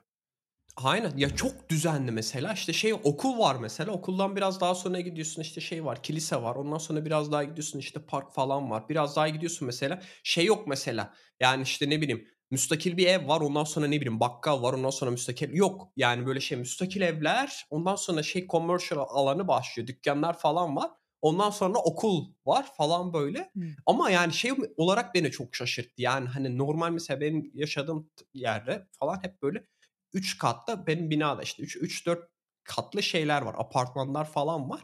Başka yerler de var tabii böyle gene evlerin falan oldu. Ama bir anda böyle sen o hani şey yok böyle yavaş bir geçiş yok. Bir anda bir baktım şey yapıyordum yani bisiklette gidiyorken bir baktım ya dedim burası ne güzel bir yermiş. Yani sağında da solunda da falan böyle müstakil evler falan var. Hakikaten yani ben çok güzel bir detay. Tabii sen anca işte New York gibi bir yeri yapınca böyle hakkında kitap yazıyorlar ama Tabii. keşke yani hakikaten böyle semtleri de anlatan ne bileyim işte atıyorum Kadıköy. semt ancak kitapçık olur abi yani hani. Abi o 1270 olsun ama işte ya. Keş, keşke keşke bu şekilde daha çok yazılsa yani. Ee, yaşadığın bu yerlerin adamın bu- kim bu- yap bu neden kadar- nasıl tasarlamışlar Bu falan kadar diye. hayatını adaması sonucu oluyor böyle kitaplar yani. Aynen o da Ya var. kimse 7 yıl bir tane müteahhitle ilgili kitap yazmaya kasmaz yani. Ama adam bazı şeylerde çok vicdan yapıyor. O investigative journalism yaparken, haberler çıkartırken o- orada zaten Robert Moses'ın gücünü gördükten sonra kitabı yazmaya karar veriyor. Normalde Hmm. adam hiç kitap yazmayla bir şeyi yok. Alakası yok. Ama artık dayanamıyor yani. Bu, bu kadar o işte yerinden ettiği insanlarla falan konuşuyor. Ee, çünkü büyük protestolar oluyor ve hiçbir gazete yazmıyor. Bu da böyle şey ufak böyle bir daha nasıl diyeyim sol görüşlü bir gazetede yazdığı için sürekli her şey böyle e, işte burnunu sokan bir gazete, e, cüretkar bir gazete. Öyle olduğu için de onları falan öğrendikçe adam ya benim bununla ilgili bir şey yazmam lazıma geliyor iş. Hmm. E, çok güzel. Bir Yani Lyndon entrika Johnson şey da mesela olması çok güzel gerekiyor. bir seçim bu arada. Yani Lyndon- Hikaye olması gerekiyor. Mesela ben Lyndon. Johnson'ın bu kadar şey olduğunu bilmiyordum. Adam çok e, kötü şartlardan gelen bir adam olduğu için mesela işte siyahilerin oy kullanmasını açan, siyahi kadınların oy kullanmasının önünü açan, işte o e, Rosa Parks olayları falan olduktan sonra o işte siyahilere o hakları veren, o eşitlikçi bir adam yani çok. E, hümanist de bir adam. En azından öyle gözüküyor. Ama bir yandan da Vietnam Savaşı'nı başlatan adam yani. Vietnam Savaşı'na asker gönderen adam da Lyndon Johnson. E, hatta bence çok güzel bir tezatlık. Kitapta da biraz onu anlatıyor yani. Bu kadar hümanist, eşitlikçi bir adam nasıl gidiyor da hiç alakamız olmayan bir savaşa binlerce Amerikan askerini gö- öl- ölmeye gönderiyor falan diye. Biraz şey anlatmaya çalıştım diyor adam yani 20. yüzyılda Amerika politikası, Amerika'daki o political scene nasıl dönüyordu? Hmm. Orada da belki Vietnam Savaşı'nda Robert Moses gibi bir adam vardır yani hani arkasında. Ya o e, Ee, evet, zaten paraları alacak şey yapacak, zaten dizayn işte edecek. Path to Glory, Path to Power falan kitapların isimleri hep öyle yani. Ee, Hmm. Hepsi burada bunun kadar kalın yani. İşte beşincisi gelecek şimdi. Herhalde bir 8-9 bin sayfa falan kitap var toplamda yani. Hı hı. Ya şey işte dediğim gibi çok çok güzel bir kitap iyi ki bence bahsettin. Benim de mesela şimdi sen bahsedince be- benim de merakım biraz körükledim. Ben de bakacağım muhtemelen en azından Hamburg için bu şekilde yazılmış Biraz pahalı bir kitap zaten falan gibi. şeyde Amazon'da falan bulunmuyordu yani böyle 3 2000 lira 3000 lira falan gibi fiyat çekiyordu. Ee, Amazon Türkiye'de. Başka Amazon globallere de baktım. Oralarda da çok pahalıydı. Bir de kitabın dijital versiyonu yok. Özellikle yazarın talebiyle sadece paperback ve hardcover basıyorlar kitabı. Öyle Hmm. de bir detay var. Onun altını çizeyim. Hani belki birileri Libgen'e falan bir şekilde dijitize edip koymuştur ama Kindle satışı falan yoktu ben baktığımda. Ee, çok pahalı bir kitaptı. O yüzden de şey yaptım. Sahaftan aldım. Gerçi sahaftan da yine bir sürü para verdim de. En azından şey kadar değil. Amazon kadar değil. Ee, şeyler ama daha rahat bulunuyor. Lyndon Johnson kitapları daha rahat bulunuyor. Working'i de çok ucuz. bir 200 liraya falan aldım yani Amazon Türkiye'de. Ee, Süper. il- ilginç ilginç kitaplar. Aynen. Ya ama benim bayağı ilgimi çekti yani dediğim gibi. E, Ben de merak ettiğim bu tarz Bu da özel bir Pulitzer şehir ödülü aldı planlama bu açısından. kitaptan dolayı. Adam iki Hmm. tane Pulitzer ödülü var ki yani bir kariyerde iki tane Pulitzer ödülü çok nadir gelen bir şey. Onun da yine ekstradan altını çizeyim yani. Adam o kadar büyük bir e, gazetecilik göstermiş ki kitaplarda. iki defa Pulitzer ödülü vermişler. Süper. Ee, buradan istersen başka bahsetmek istediğin konu yoksa kitaplar hakkında. Kitap yok, Ee, film de yok. E, Turn Every Page dışında bir şey seyretmedim. Bir de te- işte Ted Lasso'yu seyrettim yani onun dışında bir şey olmadı. Oyunlara belki sonradan geliriz. Hı hı. Ya ben de izlediğim kısımlarda şeyi ben sadece izlemeye başlamıştım. Onu da geçen hafta sonu. Bir de hasta falan oldum e, geçen hafta. Ben de aynı E, şekilde. ha- ha- hasta olunca e, çok fazla bir şey yapamıyorsun. Ben de açıp şey yapmıştım. Yani Lord of the Rings'i tekrardan seyrettim. Üç Ha. filmini falan. Ben yazın yaptım onu. Birkaç güne yaymış bir şekilde. Çok çok keyif aldım yani çok fazla şey yapmaya gerek yok. Ee, hala izlemeyenler varsa bir şans tanısınlar. Extended böyle- Edition seyredim bu arada. Ekstra sahneler var orada. Aynen aynen orada bayağı bir şey. Ama o Extended Edition şeyde var mı emin değilim. Netflix'tekiler falan hep Ee, Extended Edition işte. Şu an yayınlanan. Öyle mi? Hı hı. Öyle mi? Ha, süper o zaman. Şu benim izlediğim bilmiyorum belki Extended mi sanmıyorum. Ben Amazon Prime'de seyrettim. Amazon Ee, Prime'deki de galiba Extended. Öyle mi? Çok dikkat etmedim. Ee, çok keyifli film. Oradan tekrardan şey anlıyorsun yani günümüzde niye bu kadar böyle filmler çıkmıyor. Çok net bir şekilde görebiliyorsun. Ee, buradan istersen yavaştan e, gündem konularına geçiş yapabiliriz. Ee, belki ilk konu olarak bize e, mobil development ile ilgili ilgilendiğimiz için e, şimdi biz geçen hafta bahsetmiştik Google'ın e, bir tekel davası e, gidiyor. Bir yandan da Google'ın e, Epic Games ile ilgili bir davası var. Bu Epic Games ile ilgili davasında e, ortaya çıktı ki e, Google bazı şirketlere, bazı büyük şirketlere farklı komisyon oranları tek- teklif sağlıyormuş. ediyormuş. Aynen. Şimdi mesela e, App Store'a, Apple'ın App Store'una sen şu anda işte herhangi bir kişi olarak uygulama koyarsan işte ilk 1 milyon dolar için %15 veriyorsun. 1 milyon dolardan fazla kazanıyorsan %30 veriyorsun. Bu herkes için böyle fix. Yani sen Seyfettin misin, Netflix misin falan fark etmiyor. Fix bir şey uyguluyorlar. Şimdi herkes bu benzer şeyi Google için de düşünüyordu. Ee, bu, bu, bu haber ortaya çıkana kadar herkes tanıyordu ki fix. Google'da da gene benzer şekilde onlar da %15 sunuyor. Daha sonra %30 sunuyor ama e, daha sonra işte ortaya çıktı ki Google önce Netflix'e böyle teklifler yapmış. Ya siz çünkü Netflix şey diyor. e, biz sizin ödeme platformunuzu kullanmak istemiyoruz. Kullanıcılar hani yeni hesap oluşturamayacaklar.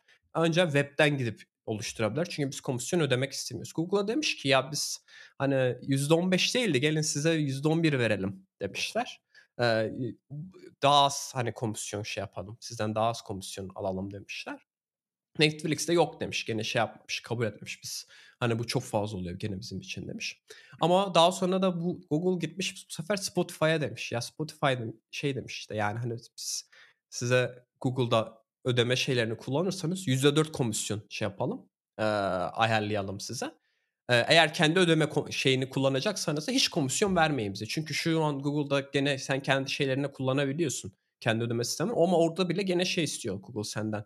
İşte %11 mi ne gibi gibi bir komisyon istiyor sen kendi ödeme şeyini kullanırsan falan. Ama şu anda hani tartışma konusu olan şey Spotify bir şekilde e, bu anlaşmayı yapıyor ve %4. bütün developerlara aynen kıyasla %4 oranında komisyon veriyor. Şimdi bu e, tabii Spotify için büyük bir başarı e, böyle bir anlaşma yapabilmesi için ama e, hani adil bir Çok büyük anlaşma değil. Ya. Çok büyük bir skandal çünkü niye? Abi sen mesela bir hani indie developerlar var. O, o insanlar mesela hani Spotify gibi çok yüksek meblağda paralar kazanmıyor ama Spotify'dan daha çok komisyon veriyor. Ee, daha sonra başka şirketler var. Ee, belki büyük şirketler var. Atıyorum e, işte Netflix belki orada kullanmıyor ama ne bileyim işte dating uygulamaları falan var değil mi? Bunlarda da çok fazla para dönüyor. Onlar mesela belki gidiyorlar şu anda %15 komisyon veriyorlar. Şimdi %15 lira %4 lira çok acayip bir fark var ve bu şirketler 100 milyon dolar kazandığı için bayağı böyle 10 milyon dolara falan denk geliyor yani. Hani yılda sen ekstra niye komisyon veriyorsun? Ama niye? Çünkü işte Google Spotify böyle bir anlaşma yapıyor. Ee, bu anlaşma sayesinde bir şekilde yapıyorlar. Ama orada mesela işte şeyi anlaşmayı şey e, dava sırasında ortaya atılan tez de şu ya işte Spotify çok büyük şirket. Onun sayesinde bir sürü insan işte hani bizim cihazlarımızı kullanıyor. O aslında bütün developerlara fayda sağlıyor Spotify gibisinden bir argüman sunuyorlar. Ben çok ikna olmadım şeyden e, yani argümandan ama e, bilmiyorum sen ne düşünüyorsun Google'un bu şekilde Ben o davayı kaybedeceklerini düşünüyorum çünkü bu anti kompetitif bir davranış. Çünkü Apple Music'ten mesela ne kadar komisyonları. Hadi indie developerlarla Spotify karşılaştırmak yine bir şey. Mesela Apple Music'ten tam komisyon mu alıyorlar? Ya da Apple Music'te hmm. böyle bir şey var mı? Direkt rakipleri açısından ya da Tidal. Yani Tidal'la aynı şekilde. Ee, o bence şey tabii ki de bu arada normal developerlar arasındaki farkların da bu denli olması çok büyük sıkıntı. Bence bayağı başı arayacaktır Google'un diye düşünüyorum. Özel arka tarafta anlaşma yapmaları. Ya bu hakikaten bu App Store, e, app pazarları diyelim yani. Pazar yerleri e, birçok konuda rekab an, rekabete aykırı davranıyorlar. E, Apple'ın da mesela işte review taraflarında falan bazı app'lere öz, ayrıcalık tanıdığını biliyoruz. Hatta işletim sistemin içerisinde bazı app'lere özel kod yazıldığını da biliyoruz. Yani bayağı böyle if bilmem ne app'i ise şöyle yap falan gibisinden OS'in hmm. içinde kodlar vardı. Ee, bunlar tabii sıkıntı. Ee, bakalım nasıl sonuçlanacak. O Google'ın Google iyiye gitmiyor açıkçası aslında. Bir sonraki konumuzda olacaktı ama Google pek iyiye gitmiyor. Ben Sundar Pichai'yi niye hala daha kovmadıklarını da anlayabilmiş değilim. Yani OpenAI Dan bunu kovuyorsa bence Google'da Sundar Pichai'yi kovabilir yani. Aynen. Ee, neden? Yani AI savaşını kaybettiler. Şimdi bu Flutter olayını konuşacağız birazdan. Bence o da özellikle biz yazılımcılar açısından çok endişe verici bir durum. Ee, ama biz bunları bahsetmiştik o yüzden benim e, vicdanım çok rahat. e, hatta istersen bahsedelim yani bu Flutter'ın e, tepe Olur. ekibi diyelim. E, tepe ekibindeki insanlar bir bir ayrılıyorlar Google'dan. Ve e, Flutter open source biz bundan sonra işte kendi çabamızla Flutter'ı devam ettireceğiz diyorlar ki o hiçbir zaman iyi çalışmıyor. Bunu e, IBM Swift olayında görmüştük. IBM desteği kesince server side Swift projeleri hep öldü arkasından. E, iyi gitmiyor. E, çok acayip bir blog post. Sen ne düşünüyorsun bilmiyorum hakkında ama hı hı. E, yani adamın özellikle böyle bir e, tarikata inanmış gibi Flutter'a inanması benim çok il, ilgimi çekti. Adam şey diyor yani en iyi mobil geliştirme platformu Flutter oldu falan diyor. Aynı zamanda en popüler oldu. Web'de de diyor en popüler olacak falan diyor. Hı hı. Ancak zaten böyle bir adammışlıkla full dedike çalışabilirsin bir şey üzerine. ee, başka türlü çok zor yani. Öyle bir öyle ya bir teknoloji e, nasıl diyeyim yani din gibi inanman lazım yani yaptığın şeye. Hayatını bu kadar ya, değiştirecek kadar.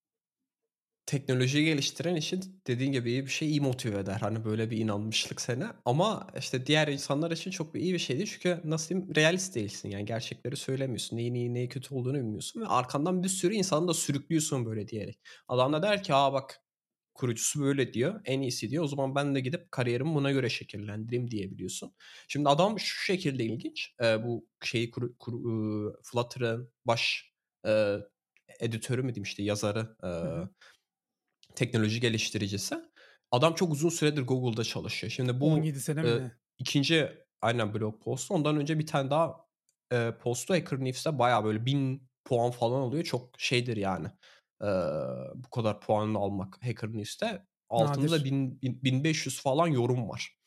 Orada mesela artık şeyi anlatıyor. E, bu e, şirket içerisindeki politikanın bak gene hep politikaya denk geliyoruz yani. Şehir dizayn ederken de politika, şirket içerisinde de gene böyle politika oluyor.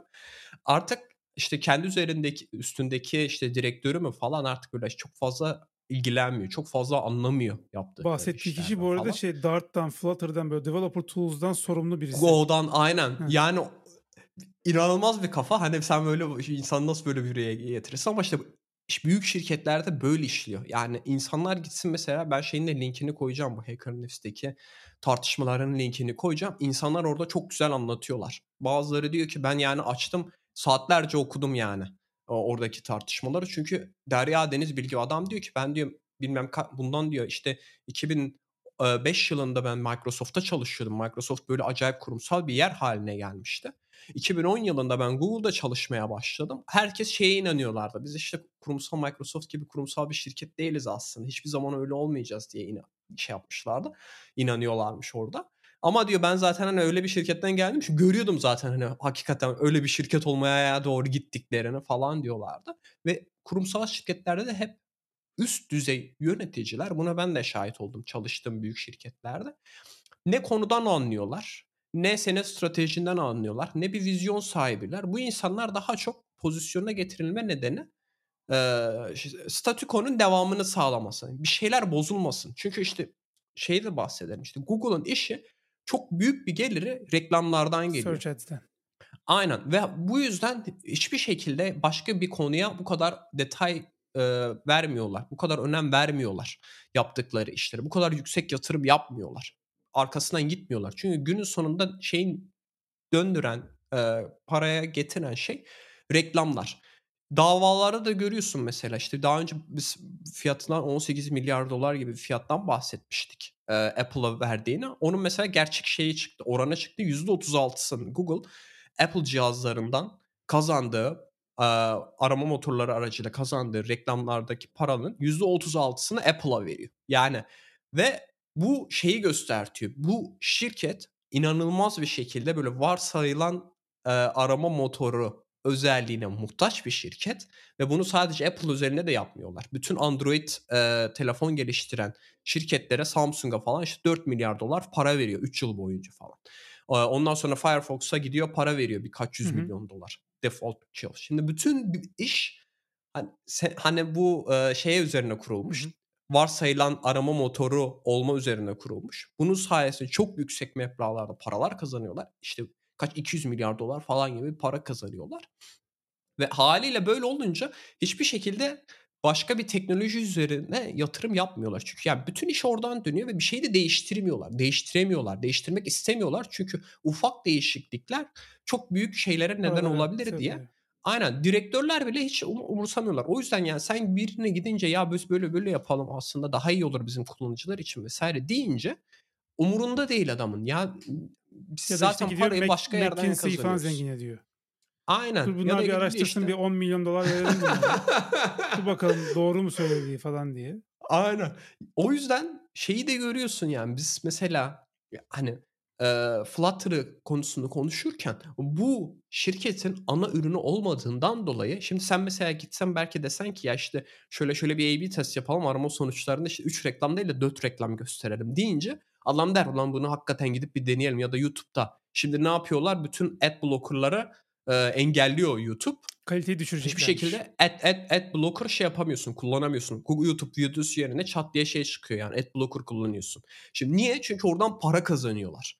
para kazandığı şey için her şeyi yap- yapmak yapmak mübah onlar için. Ama Flutter gibi bir teknolojiden bir şey kazanmıyorlar. Bir fayda sağlamıyorlar. Hani Android'de bile adam Android'den para kazanmak yerine diyor ki senden hani git sadece bizi sen varsayılan arama motoru olarak Google yap biz sana para verelim direkt e, Android kullandığın için. Şey için değil yani. Android, hani Android için, için değil veri de. toplama şeyi ya. E, tabii. Ya o da var ama işte yani yine reklama gene faydası şeyi, oluyor o anlamda. Gene reklama faydası oluyor aynen. Ama işte Flutter vesaire bazı teknolojilerde mesela ben şeyi de çok hatırlıyorum. Go da mesela inanılmaz bir şekilde popüler hale gelmişti çok bir zamanlarda. Hala çok fazla duyuyordum ya. ben en azından. Hala gene popüler ama ben mesela işte Rust çıkınca mesela da, Rust'ı daha çok fazla duymaya başladım şu anda. Hmm. Backend teknolojilerini insanlar işte Rust'ı tercih etmeye başlamışlar. Orada da gene ben benzer şeyleri hissedebiliyorum. İşte Flutter'dır, Go'dur, işte Dart mesela işte e, Flutter'ı kullandıkları dil falan. Şimdi böyle olunca ana ürün olmayınca hayli sıkıntı oluyor. Bizim mesela işte Apple konuşuyor ama nedenimiz biraz şey o yani karşılaştırıyor olmanız. Adamların hakikaten yani gerçekten para kazandıkları şey. Çünkü şeyi de görebiliyorsun. Google aslında çok fazla belki para kazanmıyor şeyden. Play Store'dan. O yüzden belki gidip Spotify'a diyebiliyor. Gel, gel sen %4 ver. Şey verme. Hı hı. %15 verme. Çünkü oradaki hani belki kazandığı para çok fazla şey değil ama Spotify'ın getireceği kullanıcı, o kullanıcıların da varsayılan araba motorunu kullanacak olmaları daha fazla belki gelir getiriyor onlar için. Yani haliyle bütün strateji tamamıyla arama motoruna biz na- nasıl daha çok kullandırırız arama motorunu ve insanlara daha çok nasıl reklam izletebiliriz. Bunun üzerine dönünce de haliyle ne oluyor? Flutter'daki yönetici de zaten anlayamamış belki adam Flutter'ı yazan adamı. isteklerini anlayamamış. Ona göre değişiklikler yapmamışlar, şekillendirmemişler. Bir de büyük şirketlerde öyle bir bürokrasi var ki yani gerçekten belki bunlar hakkında da kitap yazılması lazım. Google'daki bürokrasiyle ilgili ben çok şey okudum. Ee, özellikle bu Google e, neydi Google Plus mıydı? Google Plus diye bir Hmm. şey vardı. Sosyal ağ Sosyal. yapmaya çalıştılar. Oradaki işte o bürokrasiyi bütün ekiplere Google Plus entegrasyonu yapacaksınız diye emir gidiyor. Ee, yöneticiler çok şey yapmıyorlar. Yani yapın diyorlar ama işin üzerine düşmüyorlar falan. Alt taraftaki insanlar çok perişan oluyorlar ona uyum sağlamak için. Ee, çok dev paralar harcandı Google Plus Facebook'la rekabet etsin diye. O zaman bayağı bir şey okumuştum yani o iç, iç kavgalarla ilgili. Hı hı.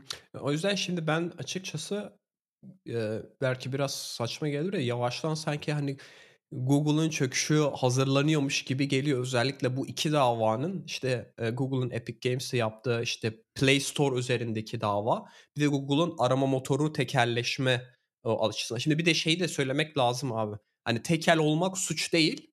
Aslında suç olan şey o tekel gücünü kullanarak rekabeti engellemek. İşte senin dediğin gibi ona işte şeyler yapmak. Öteki türlü adam ha belki en iyi motoru şeydir yani hakikaten kaliteli hizmet veriyordur. En iyi motoru da okey ama sen gidip şimdi gidip Apple'a 18 milyar dolar para verirsen benim varsayılan motoru yap diye o zaman hiçbir şekilde yani o, hani 18 milyar dolardan daha fazla para verebilecek bir şirket var mı? Mic- Microsoft bile veremiyor bu parayı. Yani Satya Nadella de gidip davada söylüyor yani biz bunlara rekabet edemiyoruz diyor. Niye? Çünkü varsayılan motor onu bekliyorlar. Şimdi oradan bir karar çıkınca çok yüksek. Ben yani şeye inanıyorum muhtemelen.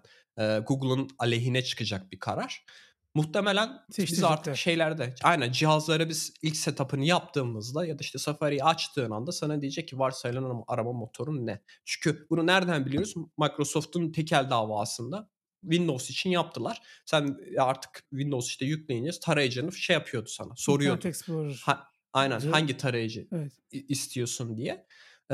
Şimdi aynı şey arama motorları için olacak. Ee, tabii bu işte Apple için, Firefox için, Samsung için belki kötü bir şey. Çünkü onlar direkt çünkü abi çok basit bir şey yani arama motorunu değiştiriyorsun. Çat 18 milyar dolar para geliyor.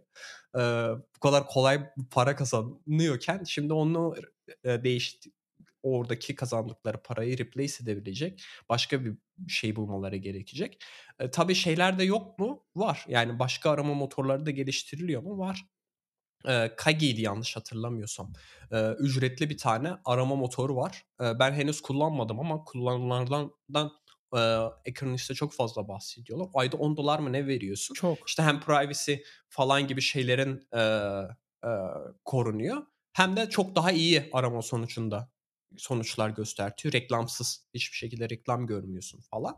Eee, kullananlar varmış. Ben kullanmadım ama $10 çok. şeyi de $10'a görebiliyorsun. kimseyi ikna edemezsin abi. $2-3 Hah. olsa belki Ya sıkıntı orada. O zaman ne yapacaklar? Ya bunu paralı yapacaklar ya belki Microsoft satın alacak bir şekilde şey yapacak. Belki Bing'i ikna edecekler vesaire entegre edecekler. Ee, öyle bir şey olacak ama şeyi de görebiliyorsun yani çıkmıyor yani. Alternatif çıkmıyor. Şey mesela işte DuckDuckGo çıkıyor. O Bing'i kullanıyor. Bing yeteri kadar iyi sana sonuç vermiyor.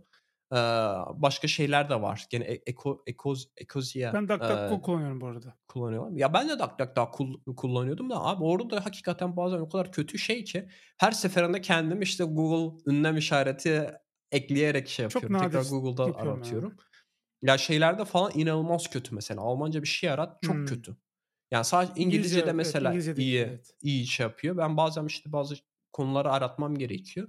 Yani o rezalet yani. Sana böyle saçma sapan sonuçlar gösteriyor çok alakasız. Ama işte bu şeylerden sonra bu davalar da bayağı uzun sürüyor. Çünkü çok fazla tanık dinliyorlar. Ee, işte Epic Games davasına falan bir sürü tanık dinliyorlar. Ondan sonra şeyde falan bir sürü tanık dinliyorlar. İşte Satya Nadela'yı işte Apple'dan adam geliyor e, vesaire falan bir sürü tanık geliyor. İşte DuckDuckGo'dan şey geliyor o da diyor yani biz cihaz şeyleriyle konuşamıyoruz. Sen gidip şey diyemiyorsun Samsung'la anlaşma yapamıyorsun ya. Beni de şey yap diye orada göster diye kullanıcıya seçtir. Samsung diyor ki ben para alıyorum 4 milyar dolar. Seninle ne uğraşayım diyor. E, haliyle rekabet edemiyor o zaman bu tarayıcılar. Her ne kadar iyi olsalar da. E, o yüzden yavaştan şeyi görecekmişiz gibi geliyor. Özellikle bu aşırı kurumsallaşması şirketin. E, ürünler çok kısa sürede e, öldürülmesinden Tedavülden dolayı kalkıyor. e, bütün business modelinin bu e, varsayılan arama motoru üzerine kurulmuş olmasından dolayı ben açıkçası çok parlak görmüyorum Google'ın geleceğini.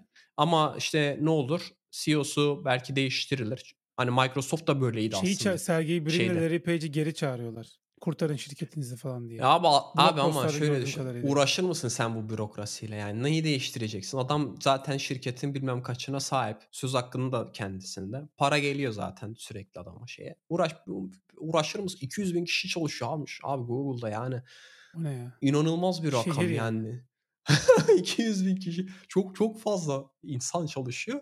Ve günün sonunda sadece şeyden para kazanıyorsun. Arama motorundan para kazanıyorsun. Tabii işte Google Cloud falan filan var da. Yani bunlar çok cüzi ka- rakamlar kalıyor yani şeye oranla. Arama motorlarının elde ettikleri rakamlar. O yüzden ya şeyde de Microsoft'ta da böyle çok kötüye gitmişler. Steve Ballmer döneminde e, işte Ballmer yanlış hatırlamıyorsam dümdüz gidiyordu şey. Windows Vista falan o dönemde çıkmıştı Hı hı. diye hatırlıyorum. Şeyi o o zaman da kaçırdılar. Stock Mobil price hep devrimi. böyle dümdüzdü. Steve Ballmer dönemi böyle dümdüz. Hiç ne arttı ne azaldı. İşte Aynen. Ama orada. orada orada ne yaptılar? Satya Nadella'ya getirdiler. Adam şimdi krallar gibi söz geçiremediği şey, yani muhtemelen herhalde şeydeki hani e, sektördeki en iyi 3 CEO desen herhalde bir tanesi kesinlikle şeydir yani Evet. Satya Nadella'dır. Ee, Nereden değiştirdi hani. değil mi? Satya Nadela'nın? Excel videoları falan yapıyormuş Microsoft'ta. Excel'i böyle Öyle mi? falan. Videoları var ya işte Twitter'a çıkıyor. Aa yok ben onları Çok hiç eski. Microsoft çalışanı o. Böyle şey yapıyor. Excel tutorial videoları falan hazırlıyor işte. Şu şekilde rapor alabilirsiniz falan diye anlatıyor böyle. Oha. İyiymiş ya. Bayağı şey kökeni sağlammış yani. Ben bir tek şeyi biliyorum. En son yönetici olduğu Cloud Division'ın başındaydı. Daha sonra hani onun şeyine geldi. O yüzden zaten Microsoft'un stratejisini görmüşsün. Hatta şimdi Windows'u falan bile Cloud'dan kullandırtacaklarmış. En son yaptıkları duyurularda falan. Ama Google tarafında yani böyle bir değişiklik kimse de söz etmiyor. Yani bilmiyorum. Ee, şeyler de O bir kurucular da herhalde. Sundar Aynen, belki bir emekliye ayrılacak yazarlar. Ya Artık o bu olmadan yeni trend bu yani. Adamları kovmuyorlar. Hepsi emekliye ayrılıyor. Nasıl bir şey ben de anlamadım. Ama güzel de bir şey yapıyor. Ne Golden Parachute'u da alıyorlar yani. Tabii canım. Ee, Bir de 100 milyon 200 dolar, milyon dolar, para aynen. veriyor. Yani çok Bakalım acayip yani şey. umarım umarım çünkü yani kim yani böyle bir değişiklik olur ki da- daha iyi bir rekabet olsun. Yani Google'da inove, in- inovasyon yapsın. Çünkü benim dediğim gibi yani benim günlük hayatım YouTube dışarısında ki o da hani Google şeyi değildir. Yani Google Invention'lı bir ürün de Değil. YouTube'da. Satın almışlardı bundan yıllar yıllar önce. Onun dışında kullandığım bir Google ürünü yok açıkçası. Hani bazen işte dediğim gibi Google arama motorunu da kullanıyorum ama yok. Ya Google benden para kazanmıyor. E, böyle olunca da çok fazla şey de görmüyorsun yani. Ee, ne kadar sürdürülebilir olacak bu şey. Arama motoru mesela değiştirince mesela Apple sununca bakacağız mesela işte ne kadar düşecek acaba gelirleri. Hemen bir sonraki çeyrekte şeyin farkı hissedersin. Çünkü bu arama motoru seçeneklerini sununca falan da şey de yapamıyorsun. Google'a en üstte yazayım falan da diyemiyorsun. Sürekli random olarak hani böyle sıra dizilme en üstte bazen Bing'i göreceksin. Bazen başka bir şeyi falan göreceksin. Hı hı. Yani ona bakacağız ne kadar değiştirecek ama bu iki dava çok bayağı yani Google'un hiçbir şekilde doğru düzgün argüman üretemediği davalar ve şeyle de bayağı e, da e, mahkemeyle de bayağı aslında orada sıkıntı da yaşadılar. Çünkü bazı chatlere falan Sundar Pichai şey diyor ya bu chat historiyi kapatalım falan diyor. Hmm. Ee, bir şey bazı konuları konuşmadan önce. Ee, bu da bazı şeyler yarattı yani mahkeme tarafına sıkıntı. Acaba delil mi saklıyorlar e, gibisinden. Çünkü normalde bazı kayıtları işte atıyorum 5 yıl boyunca falan şirketlerin iç yazışmaları falan tutması gerekiyor gibisinden şeyler var. Hmm. Ee, kanunlar vesaire var.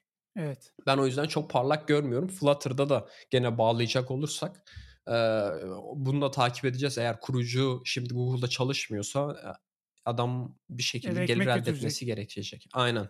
Belki 10 yılda zaten milyoner olmuştur Google'dan kalarak da.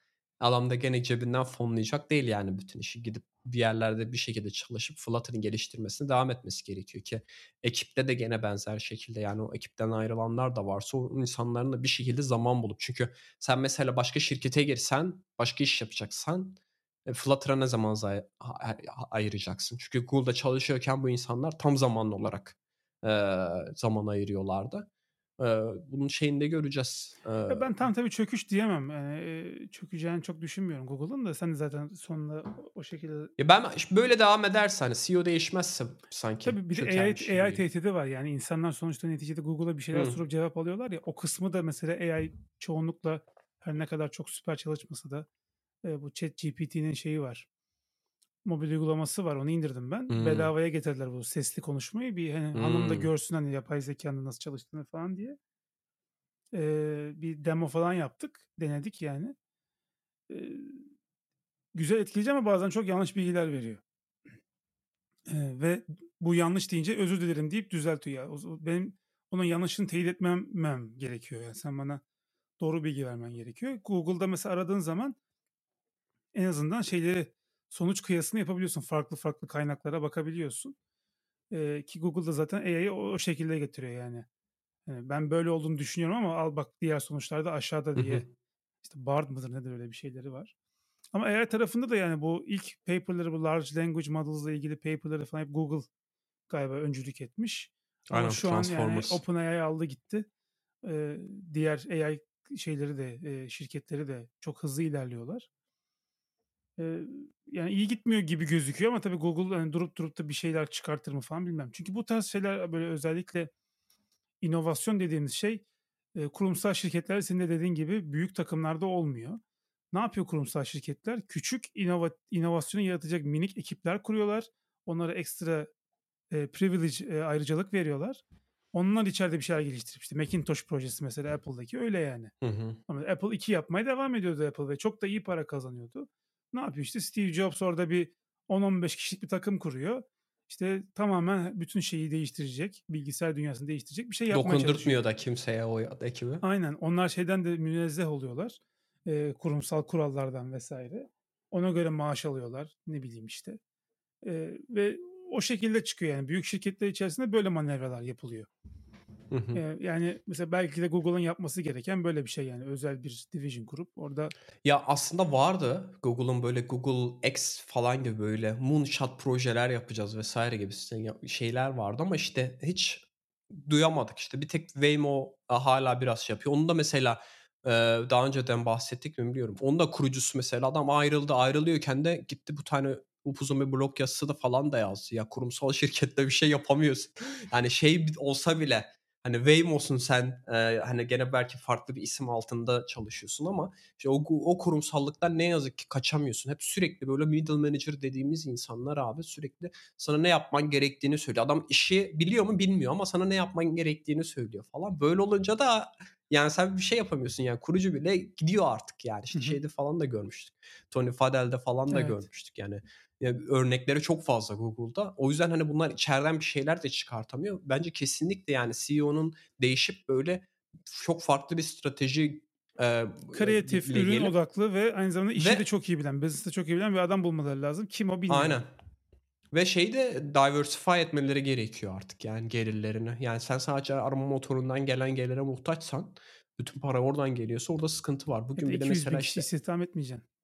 Apple Apple'da mesela işte o yüzden hani servislerim yeni ürün çat diye çıkartamadıkları için e, iPhone kadar gel, gelir elde edebilecek. O zaman ne yapıyorlar? Servislerden para kazanalım diyor. Servislerdeki parayı arttırmaya çalışıyorlar. Zaten satmışım 1 milyar şey tane telefon. Bari onların servislerinden dönüş olsun. Aynen. Aynen. Zaten artık çok şey de satamıyorlar. İnsanlar çok fazla yenilemiyor. O zaman ne oluyor? Biraz daha dengeli oluyor. Microsoft'un yaptığı şey de öyle biraz. İşte oyun sektöründe olayım, Windows satayım, Cloud'u satayım. Hani şey diyemiyorsun artık ama Microsoft'un mesela önceden öyleydi değil mi? Gelirin çok büyük kısmı Windows lisanslarından sonra Office lisanslarından geliyorken şu an öyle değil. Ee, Windows hatta tam tersine bayağı e, düşüş Yok hala çok iyi kazanıyor Windows lisanslarından. Ama şey olarak Yok Microsoft hisseleri doğru. Windows şeyleri. Yok lisansları e, diyorum işte. Windows lisanslarından hala da çok iyi para kazanıyormuş. İyi para kazanıyor da düşüşte Ana ama. geliri değil şey, ama artık evet. Aynen ana geliri değil. Şey olarak da iyi? Çünkü artık insanlar şey yapmıyor. Çok fazla bilgisayar da almıyorlar. Yani çok insanın sadece şey var. Akıllı telefonu var. Bilgisayara ihtiyaç duymuyorlar. Ee, AI kısmından da bahsetmişken istersen yavaştan e, ya geçen çok magazin haftanın ama ya. Yani magazinsel... sonunda hiçbir şey olmadı ya. birinin ölmesi gerekiyordu. çok, çok çok saçma bir şey yani. Aynen. Çok ufaktan değinelim. Ee, üzerine belki çok fazla konuşmaya gerek yok ama burada belki e, değinilmesi gereken noktalar Microsoft'un nasıl kontrol sahip olma, olduğu. Aslında AI safety diye bir şeyin kimsenin önemli, umurunda olmadığı ben vesaire o kadar şey yapmıyorum burada. Senin kadar konular katı var. düşünmüyorum. Ya neden olduğunu bilmiyoruz. Yani bir olayı da bir anlatalım bu arada. Yani CEO Sam Altman'ı e, bir gece böyle bir blog postu Google Meet üzerinden kovmuşlar. Sonra bir blog post yazdılar. Sam Altman'ın CEO'lu bitti işte kovduk onu falan diye. Sonra Greg Brockman mı öyle bir adam var. Onu da şey yaptık işte board'dan alıp tekrardan şirkete mi getirdik? Öyle bir karar alıyorlar. Greg biliyor ki benim bunun haberim yok. Sam'i kovamazsınız ben istifa ediyorum diyor gidiyor. Sonra bakıyorlar ki hani yetenek kaybolmaya başlıyor falan. Sonra e, Google AI çalışanları da yine şey yap ultimatom verdiler falan. OpenAI. Open, Google diyorum. OpenAI çalışanları ultimatom verdiler. İşte onları gönderirsiniz biz de gideriz falan gibisinden. Bir anda şirket karıştı. İçeride ne oluyor? Bir de tam hafta sonu cuma e, hisselerin e, trade'inin kapanacağı saatte yaptılar açıklamayı. Böyle biraz darbe gibi bir şey oldu yani.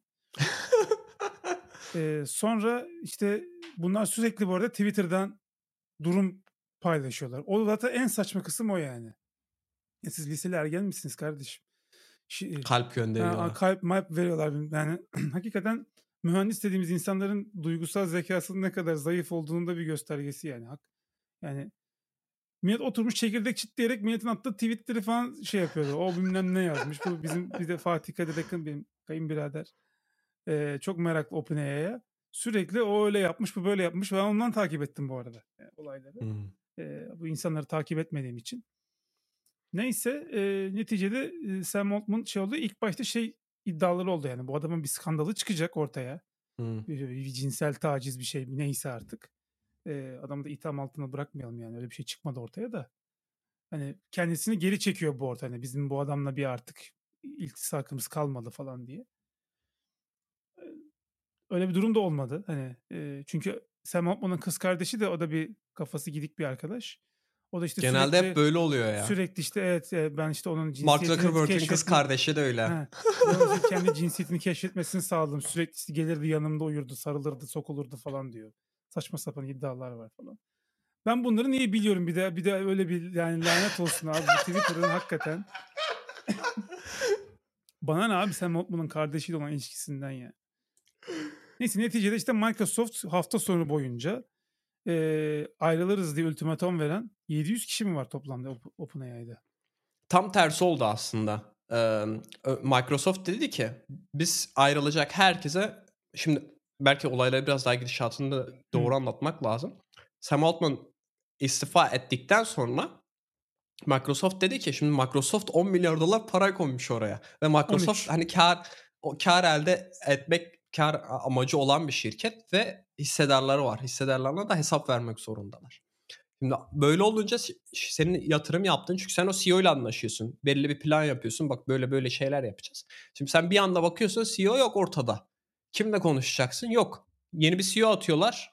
O da böyle tekrardan şey yapıyor. Sam Altman'ı şirkete getirmek için falan uğraşıyor. Microsoft o zaman Satya Nadela'nın burada gene işte zekasını yani adamın hakkını vermek gerekiyor. Adam gidiyor Sam Altman'a da Greg'e de diyor ki siz artık gelin Microsoft'ta çalışın. Burada diyor. bir AI şey departmanı kuralım size özel. Aynen bir AI departmanı kullanın. Siz LinkedIn gibi, GitHub gibi böyle kendi halinizde takılın. Biz Microsoft'un altında da değil yani. Hani Microsoft sahibi olsun. Orada da hatta hissedarlığı da muhtemelen şey gibi düşünüyorlarmış. Yani %51'e 49 falan gibi. Siz 51'ine sahip olun. Microsoft 49'una sahip olsun falan gibisinden. Böyle yapıyorlar. Daha sonra e, Sam Altman muhtemelen Satya Nadella ile biraz konuşuyorlar. Ondan sonra diyorlar ki ya işte oradaki hani çalışanlara falan filan bizim bir şeyler yapmamız lazım. Microsoft diyor ki bütün çalışanlar, OpenAI çalışanlarına açık kontrat. İsteyen herkes gelip Microsoft'ta çalışabilir. Bu Satya şeyin Sam ve Gray'in kuracağımız yeni şirketinde. Herkese aynı kontratını vereceğiz. Aynı maaşla. Gelsinler yarın işte başlasın. Bu kayıp olaylar ondan sonra mı oldu? Ondan sonra e, millet şey yapmaya başladı. Biz e, çünkü abi onlarda bile OpenAI'da çalışıyor olsam bile e, şey yapıyorsun. Önce bir iş güvencen olsun. Ondan sonra hepsi gittiler imza toplamaya başladılar. Dediler ki biz istifa edeceğiz. Eğer e, yönetim kurulu istifa etmezse bizim zaten işimiz de hazır orada.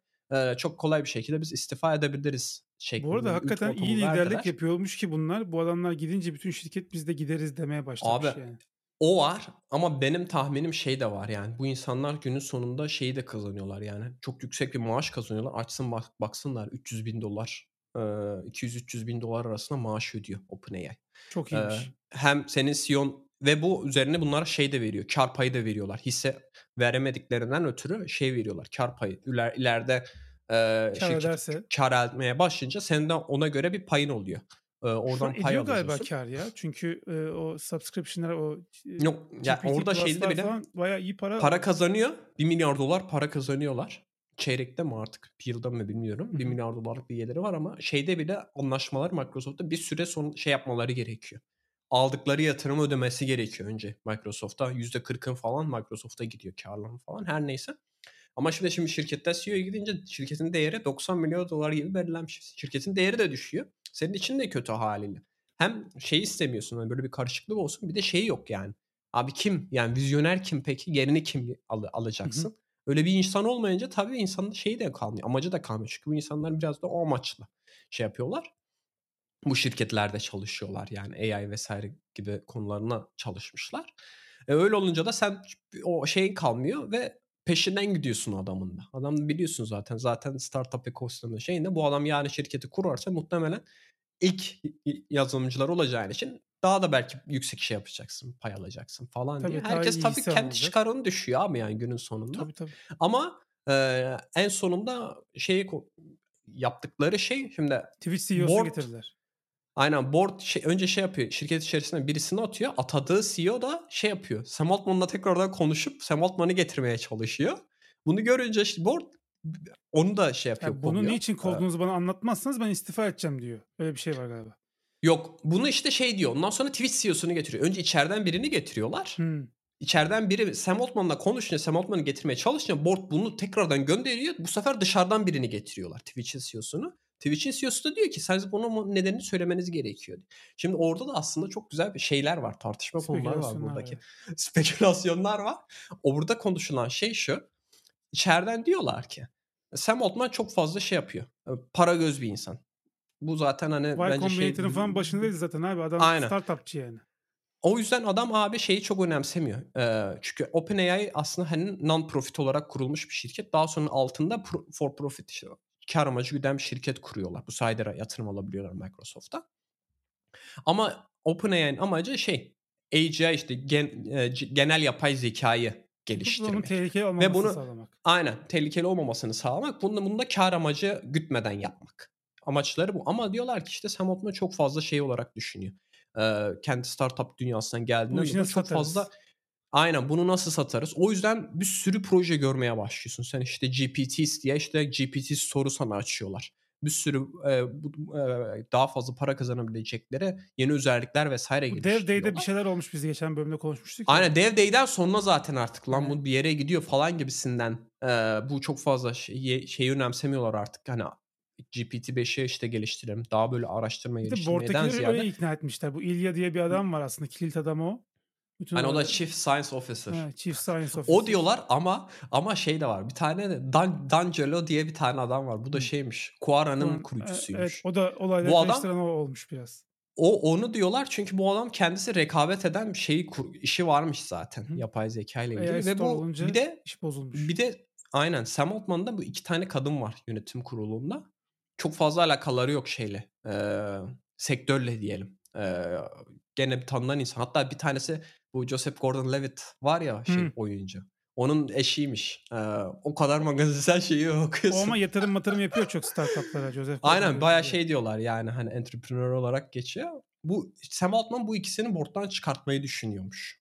Ee, haliyle bu üçü birden hani bir anda şey olunca muhtemelen bu Bayağı darbe Ee, ya bu. İlya'yı da İlya da zaten adam garibim şey adam zaten hani scientist adam. Ee, şeyi Şöyle çok gelişmemiş. Adam şey diyor zaten hafta günde diyor ben 16 saat çalışıyorum diyor. Bunu da ikna etmişler muhtemelen. Şöyle ikna Kafalamışlar etmişler çünkü işte özür diliyor bu O adam. adam daha çok sonra. hızlı gidiyor. Bak bizim AGI Security üzerinde bir misyonumuz var. Yani Sam Altman'ı şeyle suçluyorlar. Yani İlya'ya öyle demişler daha doğrusu. Hani bak bu adam daha bir şey bitmeden hemen çıkartıyor. Dev Day'de anlatıyor. Yapıyor daha test edilmemiş yarım yamalak. Belki bize çok yük getirecek bir işi. Hemen zaten şeyi durdurdular biliyorsun kayıtları. Şu an Pro Hı. subscribe olamıyorsun şeye. Aynen. ChatGPT'ye. Premium Yani yok. aynen. durdurdular çünkü çok fazla yük oldu vesaire. Hani bak bu adam çok hızlı gidiyor ama bizim misyonumuz bu değil. Bizim daha çok hani işin safety tarafına odaklanmamız lazım falan. Bu adamın gitmesi lazım diye ikna etmişler. Sonradan özür Aynen. zaten İlya. Aynen. Aynen. O da imzaladı. Hatta ben de istifa ederim falan gibisinden. Zaten millet de şaşırdı çünkü önceden İlya planladı falan sanıyorlardı ama sanki o yönetim kurulundaki o Kuana'nın başındaki adam bana planlamış gibi geliyor. İşte bilmiyorsun çünkü içeride ne olduğunu hala. Muhtemelen bunlar Sam Altman tekrar gelince bir şey bir blog yazısıyla falan bütün detaylı olarak paylaşırlarmış Sonra gibi Twitter'dan geliyor. şey duyurdular. Sam Altman Microsoft'a geçiyor Greg'le beraber falan diye bir resmi duyuru yapıldı. Satya Aynen. alıntıladı falan işte hoş geldiniz falan gibisinden Microsoft'a. Sonra Aynen. sonrasını, sonrasını ben takip etmedim. İşte şey yaptıkları sonra şu çalışanların hepsi biz istifa edeceğiz şeyini yaptıktan sonra board artık şey yaptı yani geri dönmeye başladı. Çünkü çalışan yoksa şirket yok çünkü ortada. Tabii. Sen neyin board olacaksın?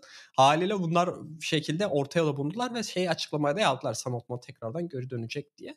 Bir diğer spekülasyon da ilgi çekici olarak burada şey diyorlar.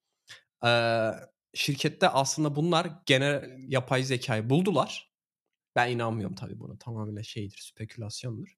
Genel yapay zekayı buldular. Ama işte e, bunu şeyle e, hemen e, normal amaçları işte paylaşmak değil. Yani bunu ticari bir işe getirmek değil.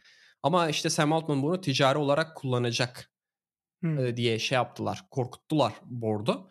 O yüzden hemen adamı gönderdiler diye. Bu da böyle işte Hacker News'te herkesi böyle heyecanlandırıyor. Acaba gerçekten yaptılar mı falan filan diğer diye. ülkeler de Çünkü orada Onu da unutmayalım. Yani çünkü Çin, orada- Rusya falan da şu an genel yapay Tabii. zeka yapmaya çalışıyor. Çünkü orada şey şey diyorlar işte ya içeride 2-3 tane bu ekipte şey var. İşte e, bunlar gidip borda bu yüzden şey yaptılar. Mektup yazdılar vesaire diyorlar. Onunla böyle bayağı bilinen çok e, ya, reputation sahibi olan gazeteler bunu şöyle The Information vesaire gibi onlar böyle haberini yaptılar. İç, içeride işte bu konu üzerine çalışan 2-3 mühendis borda mektup yazdı. Bakın işte biz genel yapay zekayı geliştirdik. Ee, ya da işte belki ona yakın bir şeyler geliştirdik. Böyle inanılmaz bir inovasyon yaptık. Bunun böyle içeride kalması gerekiyor falan gibisinden bir şeyler demişler. Ama bence spekülasyon tabii ki. Ee, ama burada bir de şeyi görüyorsun abi. Ee, aslında her ne kadar non-profit bir şirket gibi olsan da e, Microsoft gibi bir şirket senin şirketinin hakkında e, kararlar verebiliyor. Tabii. Şirketin ne yönde gideceği konusunda kararlar %49'una verebiliyor. sahip abi. Yani çok normal? İkincisi yüz- şeyin şirketin %49'una sahip değil. Şeyin kar amacı güden şirketin Tam- %49'una yani öteki sahip. olamaz. Ötekisi vakıf. Aynen. Aynen. Ama işte normalde beklersin ki işte vakıftaki kimse onlar o kadar karar versin. Bir onu görüyorsun. İkincisi şey bence çok önemli değil. kimsenin umurunda da değil yani AI safety falan kimsenin umurunda değil. Amaç burada tamamıyla hep şey yapmak yani kar elde etmek. Daha bundan daha çok nasıl kar elde edebiliriz bu. Bence bir de konuşulması gereken nokta şu abi. Hakikaten böyle insanlar genel yapay zekayı bulursa bundan fayda sağlayacak insan sen ben olmayacağız. Gene bu şirketlerin yatırımcıları kimse onlar Tabii. şey yapacaklar. Yani sen genel yapay zekayı bulsan ki sen gidip e, chat GPT gibi e, millete e, 10 dolara sunmazsın herhalde genel yapay zekayı değil mi? Gidersin büyük şirketlerle anlaşırsın. Tabii. Danışmanlık verirsin. Dersin ki işte sizin çağrı merkezi 2000, komple 2000 kovun. çalışanını çıkartabilirsin. Aynen. Işte. Al sana genel yapay zeka diye orada kullanırsın. Ya da Amerikan devleti der ki biz bunu ele koyuyoruz der. Alır Pentagon'da falan şey olarak kullanırlar.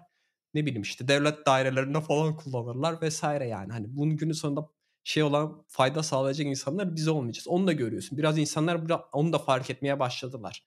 Bu olaylardan sonra hani sen ne yaparsan yap böyle kar amacı gütmeyen bir şirketle bu şekilde bir geliştirme yapamazsın. Günün sonunda senin kar elde etmen gerekiyor çünkü çok masraflı bir iş. Çok maliyetli iş. Yani bunun parasını ödemesi gerekiyor. Zaten işte 10 milyar dolar da Azure kredisi olarak verdiler diyorlar yani şeye OpenAI'ya. Düşünsene abi şeyi website şey, Azure sayfasına Kupon şey kodu giriyor. Dolar. 20 haneli. Kupon kodu olabilir. Çünkü şeyi görmüş oluyorsun o zaman da. Yani bunlar hakikaten yani kimsenin kontrol edebileceği şeyler değil. Sadece en üstte kim varsa işte burada Satya Nadella o ne derse o oluyor. Zaten şimdi yeni şey yapacaklar. Yeni yönetim kurulu kuracaklar. Bu sefer işte 9 kişilik falan bir şey yapacak, kurmak istiyorlar. Ufak olsun istemiyorlar ve orada da Microsoft'tan birisinin olacağını söylüyorlar. E, yönetim kurulunda. E, çünkü onlar da artık şey yapmak istiyor. Yani biz o kadar para verdik. E, bunu da e, karşılığını görmek istiyoruz diyorlar muhtemelen. Çok böyle yani hareketli bir e, birkaç Aslında gün başladığı geçti. yerde bitti gibi bir şey oldu. Sadece board, Başladığı board yerde biraz bitti. sarsıldı. Onun dışında Aynen. Ya orada böyle çok şey de gördün yani çok böyle tanınmamış insanların ne kadar kontrol sahibi olduğunu gördün. Yönetim kurulunun ne kadar güçlü olduğunu gördün ama yönetim kurulundan daha güçlü olan bir şey her zaman yatırımcılarmış. Onu gördün. aslında Ee, çalışanların da bir şey Çalışanların da bir leverage'ı varmış onu gördün aslında. Kaldıraç etkisi insan varmış onu olmayınca gördün. tabii doğal olarak şirket Aynen. olmuyor. Aynen. Ee, bir yandan da şeyi de gördün yani Satya Nadella'nın nasıl bir stratejist olduğunu gördü herkes. Yani sayfalarca ben şey okudum yani övgü Satya Nadella hakkında. Çünkü adam bir hafta sonu e, bütün stratejiyi kurup önce çünkü şeyi söylemiyorlar onu da belirtmek lazım. Board Sam Altman'ı kovarken söylemiyorlar Microsoft'a. Ya da hiç kimse şeye Evet, de evet, söylemiyorlar. Da İşte Greg'e falan da. Bunlar sadece kendi aralarına konuşup kovuyorlar hemen. Yani düşünsene abi 10 milyar dolar para koymuşsun.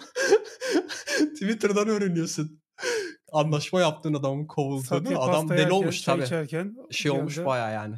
Abi şey sinirlenmiş olmuş Satya Nadella. Aynen. Aynen. Ee, bayağı sinirlenmiş ama e, Allah helal olsun yani çok güzel. Bunu işte bir şeyde de görebiliyorsun. Yani bu eski kafa CEO'larda çünkü Sam Altman falan da tamam adam da CEO da yani hani şey bir CEO değil yani hani böyle nasıl diyeyim saygın bir CEO değil ya da bir stratejist diyebileceğim bir CEO değil. Belki vizyonerdir. Biraz insanları Microsoft'ta e, bir işletim sistemi ve ofis yazılımı şirketi olmaktan çünkü öyle devam etseydi muhtemelen Microsoft yavaş yavaş yok olacaktı.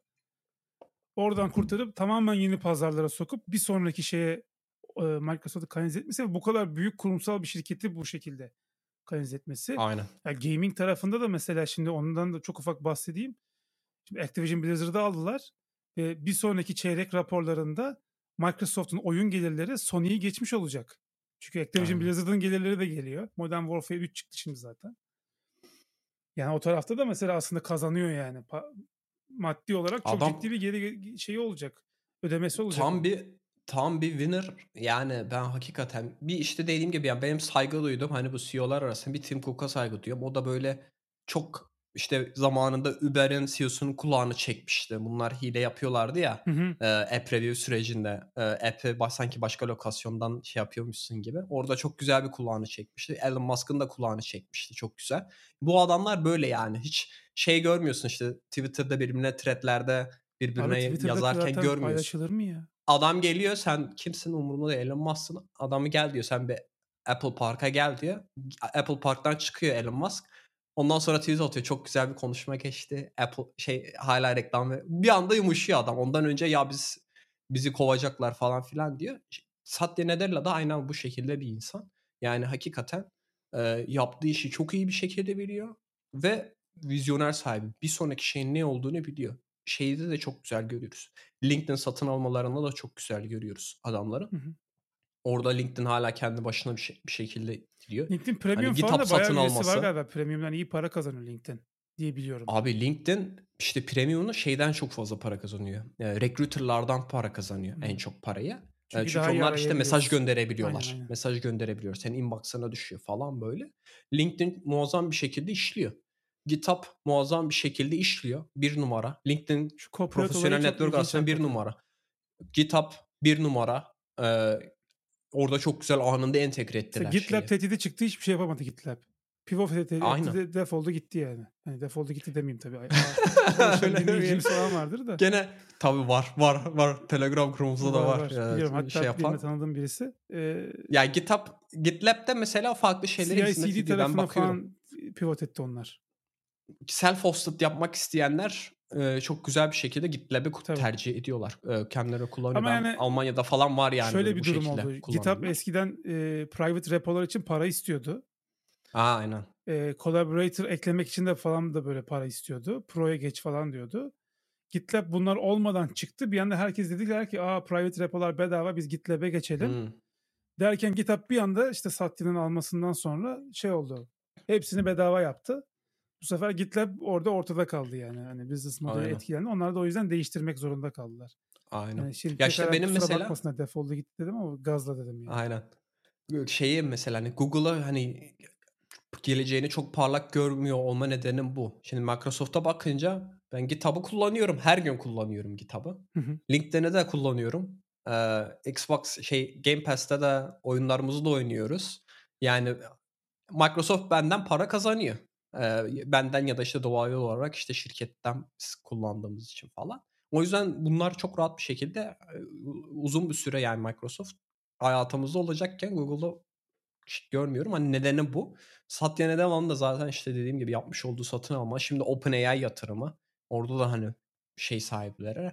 Ee, beni inanılmaz derecede yani şaşırtıyor yani. Bu adam inanılmaz bir stratejist. Yani inanılmaz şeyi de var. Yetki alanı da var. Söz alanı da var. Muhtemelen yani gidip şey de yapmamıştır. Ee, birini falan da yollamıştır. Ya gidin şu Sam Altman'ı konuşun. Bize getirin de bizzat kendisi muhtemelen şey yapmıştır. Yani aramıştır. Gel sen bizde çalış biz sana hemen şirket kuralım. Yani bu işler yani çok hızlı hallediyor. Yani o çok şaşırtıcı. Yani kimse şey demiyor. Ya bir dursun sular dursun bir bakalım ne olacak değil mi? Ondan sonra biz kendi pozisyonumuzu alırız demiyor. Adam gidiyor muhtemelen arıyor akşamını. Sen gel diyor bize bir sana şirket kuralım burada çalış diyor. Ondan sonra hemen bir saat sonra adam açıklama yapıyor. Ben Microsoft'a katılıyorum falan diye yani.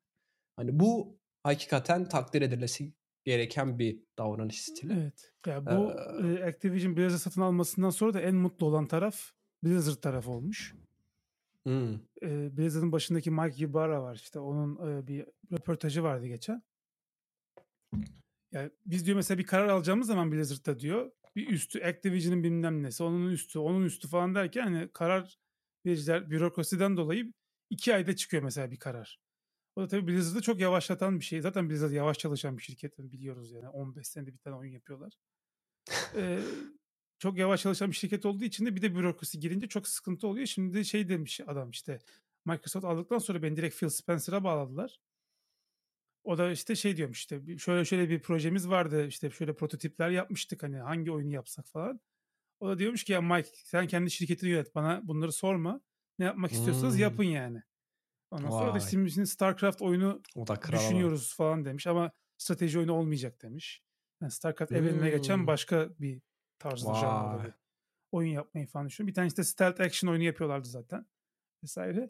Hani birazcık da orada bir serbestlik kazanmışlar. İnşallah Activision tarafında da o olur. Çünkü yani her sene Call of Duty yine seneye e, Körfez Savaşı'nda geçen Call of Duty duyurdular. Yani lan daha Kas- her Kasım'da FIFA gibi şey çıkıyor abi Call of Duty çıkıyor. Böyle Hmm. olmaz yani. Bir tane yap abi yani üzerine sürekli update yap. Ya içeri göre yeni çıkardıkları gibi şey hakikaten yap. 70 dolarlık bir oyun değil. Yani oynamak Kesinlikle. istiyoruz. Hepimiz istiyoruz ama 70 dolarlık bir oyun değil yani. En fazla 10-20 dolarlık bir paket olarak çıkartman gereken bir şeyi 70 dolara itelemeye çalışıyorsun. Onunla biraz sebebi tabii Microsoft'un satın alması. Çünkü bu sene çok ciddi bir şey açıklamak istiyorlar. Aynen. Ya abi adamın aynen. O kadar Activision para vermiş. de ona göre bonus alıp ayrılıp gidecek çünkü onlar da emekli emekliye ayrılacaklar. Hmm. Hepsi herkes emekliye ayrılıyor bu aralar.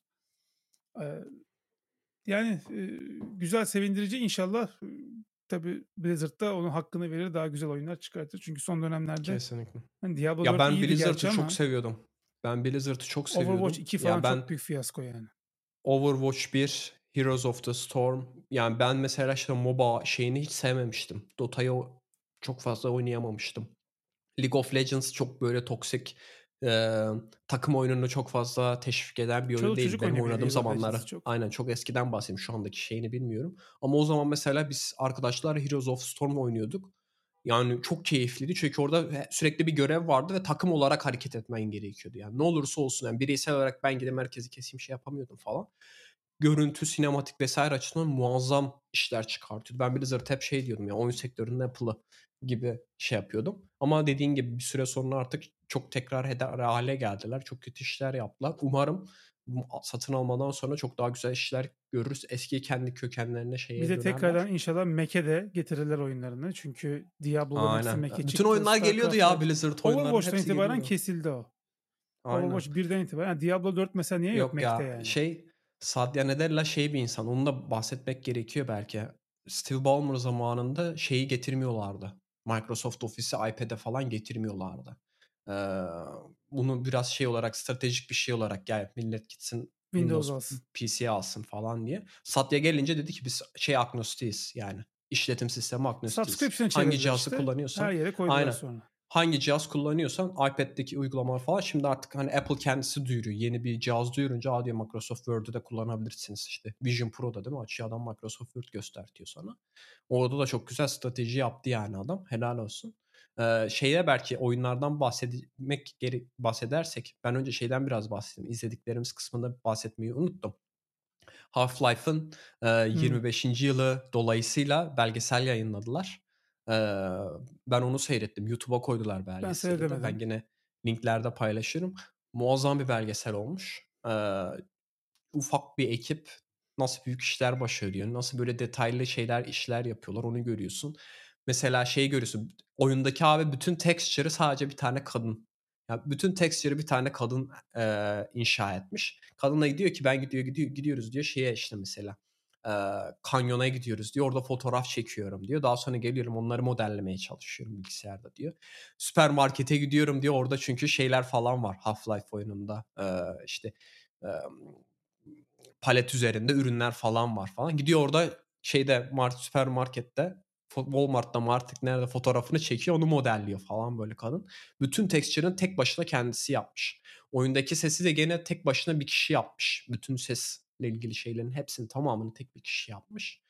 Ee, çok böyle detaylarını öğreniyorsun. Ya bu büyük nasıl işlerde nedense hep böyle hikayeler falan. var arkasında ya. Çok yani Süper ufak ekip adamlar yapıyorlar hep böyle. Küçük ekip. Çok daha hızlı Aynen. karar alıyorlar. Çok daha kreatif ilerliyorlar. şeyle on- ondan sonra daha da ilginci şimdi bu 25. yıl dolayısıyla belgeseli yayınladılar ve Half-Life'a da update çıkarttılar. bu da Yeni çok haritalar falan gelmiş. abi inanılmaz bir şey. Hem yeni haritalar bir de şeyleri getirmişler. Bunlar ilk geliştirme yaptıkları zaman farklı karakterler de geliştirmişler. İşte canavarlar ya da işte kendin karakterin olarak, oyuncu karakteri olarak karakter ama bunları oyuna koymamışlar.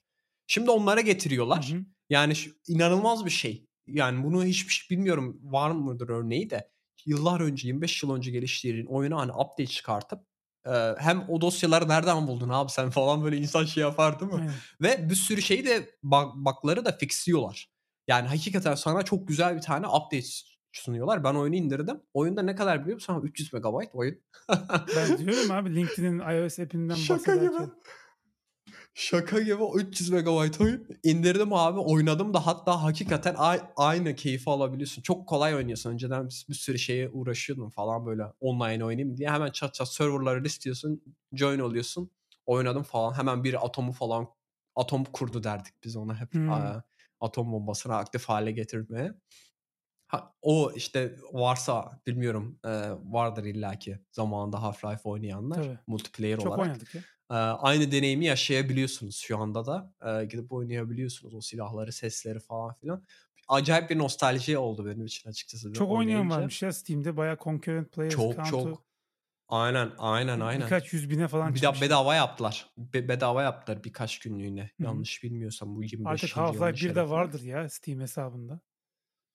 Bende vardı zaten. Ben almıştım. Ee, almayanlar belki yeni nesilde onlar da belki e, şey olmuştur. Merakla girip belki oynamışlardır falan. Ben keyif aldım bilmiyorum. Sende şey olmadığı için PC olmadığı için. Gerçi sen şimdi şeyde belki bile oynarsın. Abi şu 64 bit Abi olayı işi bozuyor ya. Hep 32 bit ya bu oyunlar Mac'te. Ha O doğru. yüzden sıkıntı oluyor. Ee, bir de tabii şeyi de konuşmak lazım. Çok yaygara koptu Steam'in e, MENA USD bölgesine geçmesi Türkiye'de. Hmm, fiyat şeyi. Ee, tabii yani daha önceden de bahsetmiştik yani Twitter'da negatif şeyler daha çok hani okunuyor medyada vesaire gibisinden. Bunu artık bir şey haline getirdi. Twitter'daki işte oyun basını, oyun hesapları vesaire. İşte şu oyun 7 TL'den bilmem kaç lira, liraya çıktı. Şu oyun 40 liraydı oldu 400 lira falan diye ağlıyorlar açıkçası. Ama mesela bir tanesini gördüm. Diyor ki işte Batman Arkham City diyor 7 liraydı diyor. Ondan sonra şimdi diyor olmuş diyor 90 lira mı ne diyor işte öyle bir şey diyor. Abi zaten Batman Arkham City 7 lira et, olmamalı yani. Zaten 90 lira olmalı. Abi 7 lira. Yani Batman Arkham 7 City lira. gibi bir oyunun 7 liraya satılması bence suç yani. E, değersizleştiriyor oyunu o anlamda söylüyorum. Tabii ki yani çok dar gelirli işte e, indie oyunlar falan oynayan e, çünkü yani dar gelirli birisinin zaten çok kuvvetli bilgisayarı olmuyor. E, öğrenci vesaire arkadaşların hani oyun alması birazcık daha zor olacak bu e, değişimden dolayı ama Steam'de şeyden çok bıkmış yani sürekli fiyatlara değiştir değiştir hani bunları bir region'a bağlayalım e, ve Hmm. bütün oyun e, firmalarına da suggested price vermiş yani Türkiye'de ekonomik şartlar ona göre bu bölgede e, işte 10 dolara satıyorsan Amerika'da burada 3 dolara sat falan diye tavsiyede bulunuyormuş. Paneli hı. varmış Steam'in. E, fakat tabii onu uygulamayan bir sürü publisher ekip oldu. e, oyun firması Ya oldu. adamlar belki uğraşmıyorlar. Onlar için İşte onlara yazıyorlar şimdi iş işte millet yani bak Türkiye'de yine Amerika'ya aynı fiyatla satılıyor yani regional price ekleyebilir misiniz falan diye. Yazınca birçoğu güncelliyormuş fiyatları. Hmm. Yani bu birazcık daha böyle devam edecek. Şimdi de kalmış. Black yani. Friday indirimleri başladı. Orada da bayağı bir şey oldu. indirim oldu ama tabii ki e, bana sorarsan oyunlar kendi ellerine geldi. Ama tabii 7 liraya oyun alabiliyorken bunun 70-80 lira olması özellikle dar gelirli insanlar için sıkıntı olabilir. E, ama yapacak da bir şey yok yani. yani ekonomik durumlar da belli.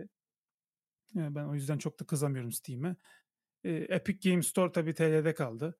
Bu arada Xbox da şu an daha hesaplı birçok oyunda. Steam'de Xbox'ın mağazasında da Hmm. te- e, yerel fiyatlandırma olduğu için e, eskiden PC oyunculuğun öyle bir avantajı vardı yani çok ucuza alabiliyordun oyunları. Şimdi artık o avantaj sanki Steam'den dolayı ortadan kalkmış durumda. E, yani e, şu an konsol olmak her geçen gün daha da mantıklı hale geliyor diyeceğim ama konsollar da ye- Black Friday indirimiyle şu an 25 bin lira mı ne Series X yani hani çok Wow. absürt fiyatlara. Ama en azından şeyi abi yani onu biliyorsun alıyorsun 6-7 sene kullanıyorsun yani. Tabii. Ve çıkan oyunlar da hakikaten test edilmiş oluyor. Yani Ha, hani tabii, tabii. amaç burada biraz Apple gibi şeyden ekonomik anlamda geçiyor bütün oyunlar onu söyleyelim. Al- aynen ekonomik anlamda hani bir yol çizmekse çünkü sen PC bile alsan bir bakıyorsun yeni oyun çıkıyor aa diyor benim ekran kartım desteklemiyor. Değil mi? Sen ona göre, göre upgrade yapman gerekiyor falan ama Xbox en azından böyle bir şeyin oluyor. Bir sonraki nesile sıkıntın kadar olmuyor. 6 sene falan rahatsın. Aynen. Yani işte Xbox al, Game Pass al, 6 sene şey yap. Game Yani Pass'e de zam geldi. gitsin yani. 220 lira oldu Ultimate aylık. Bir de şöyle bir durum var. Şimdi benim mesela Steam hesabımda indirimlerden aldığım ama hiç oynamadığım belki 100 tane falan oyun vardır. Bende de. Aa 3 liraymış, aa 5 liraymış derken oyunun bir kıymeti kalmıyor o zaman. Yani 3 lira verdiğin zaman o oyunu oynayasın da çok fazla gelmiyor. Tabii vardır bu arada oynama oynayanlar. Ben kendim için söylüyorum. Ama atıyorum bir oyuna işte Assassin's Creed'e mesela ben satın aldım. Ubisoft Plus'tan çıktım. E, 1000 lira falan bir para verdim. E, son damlasına kadar oynuyorsun oyunu. Niye? Çünkü 1000 lira gitmiş Tabii. yani. Call of Duty Tabii. mesela 400 kaç saat oynamışız? 440 saat mi? Ben öyle oynamışım yani.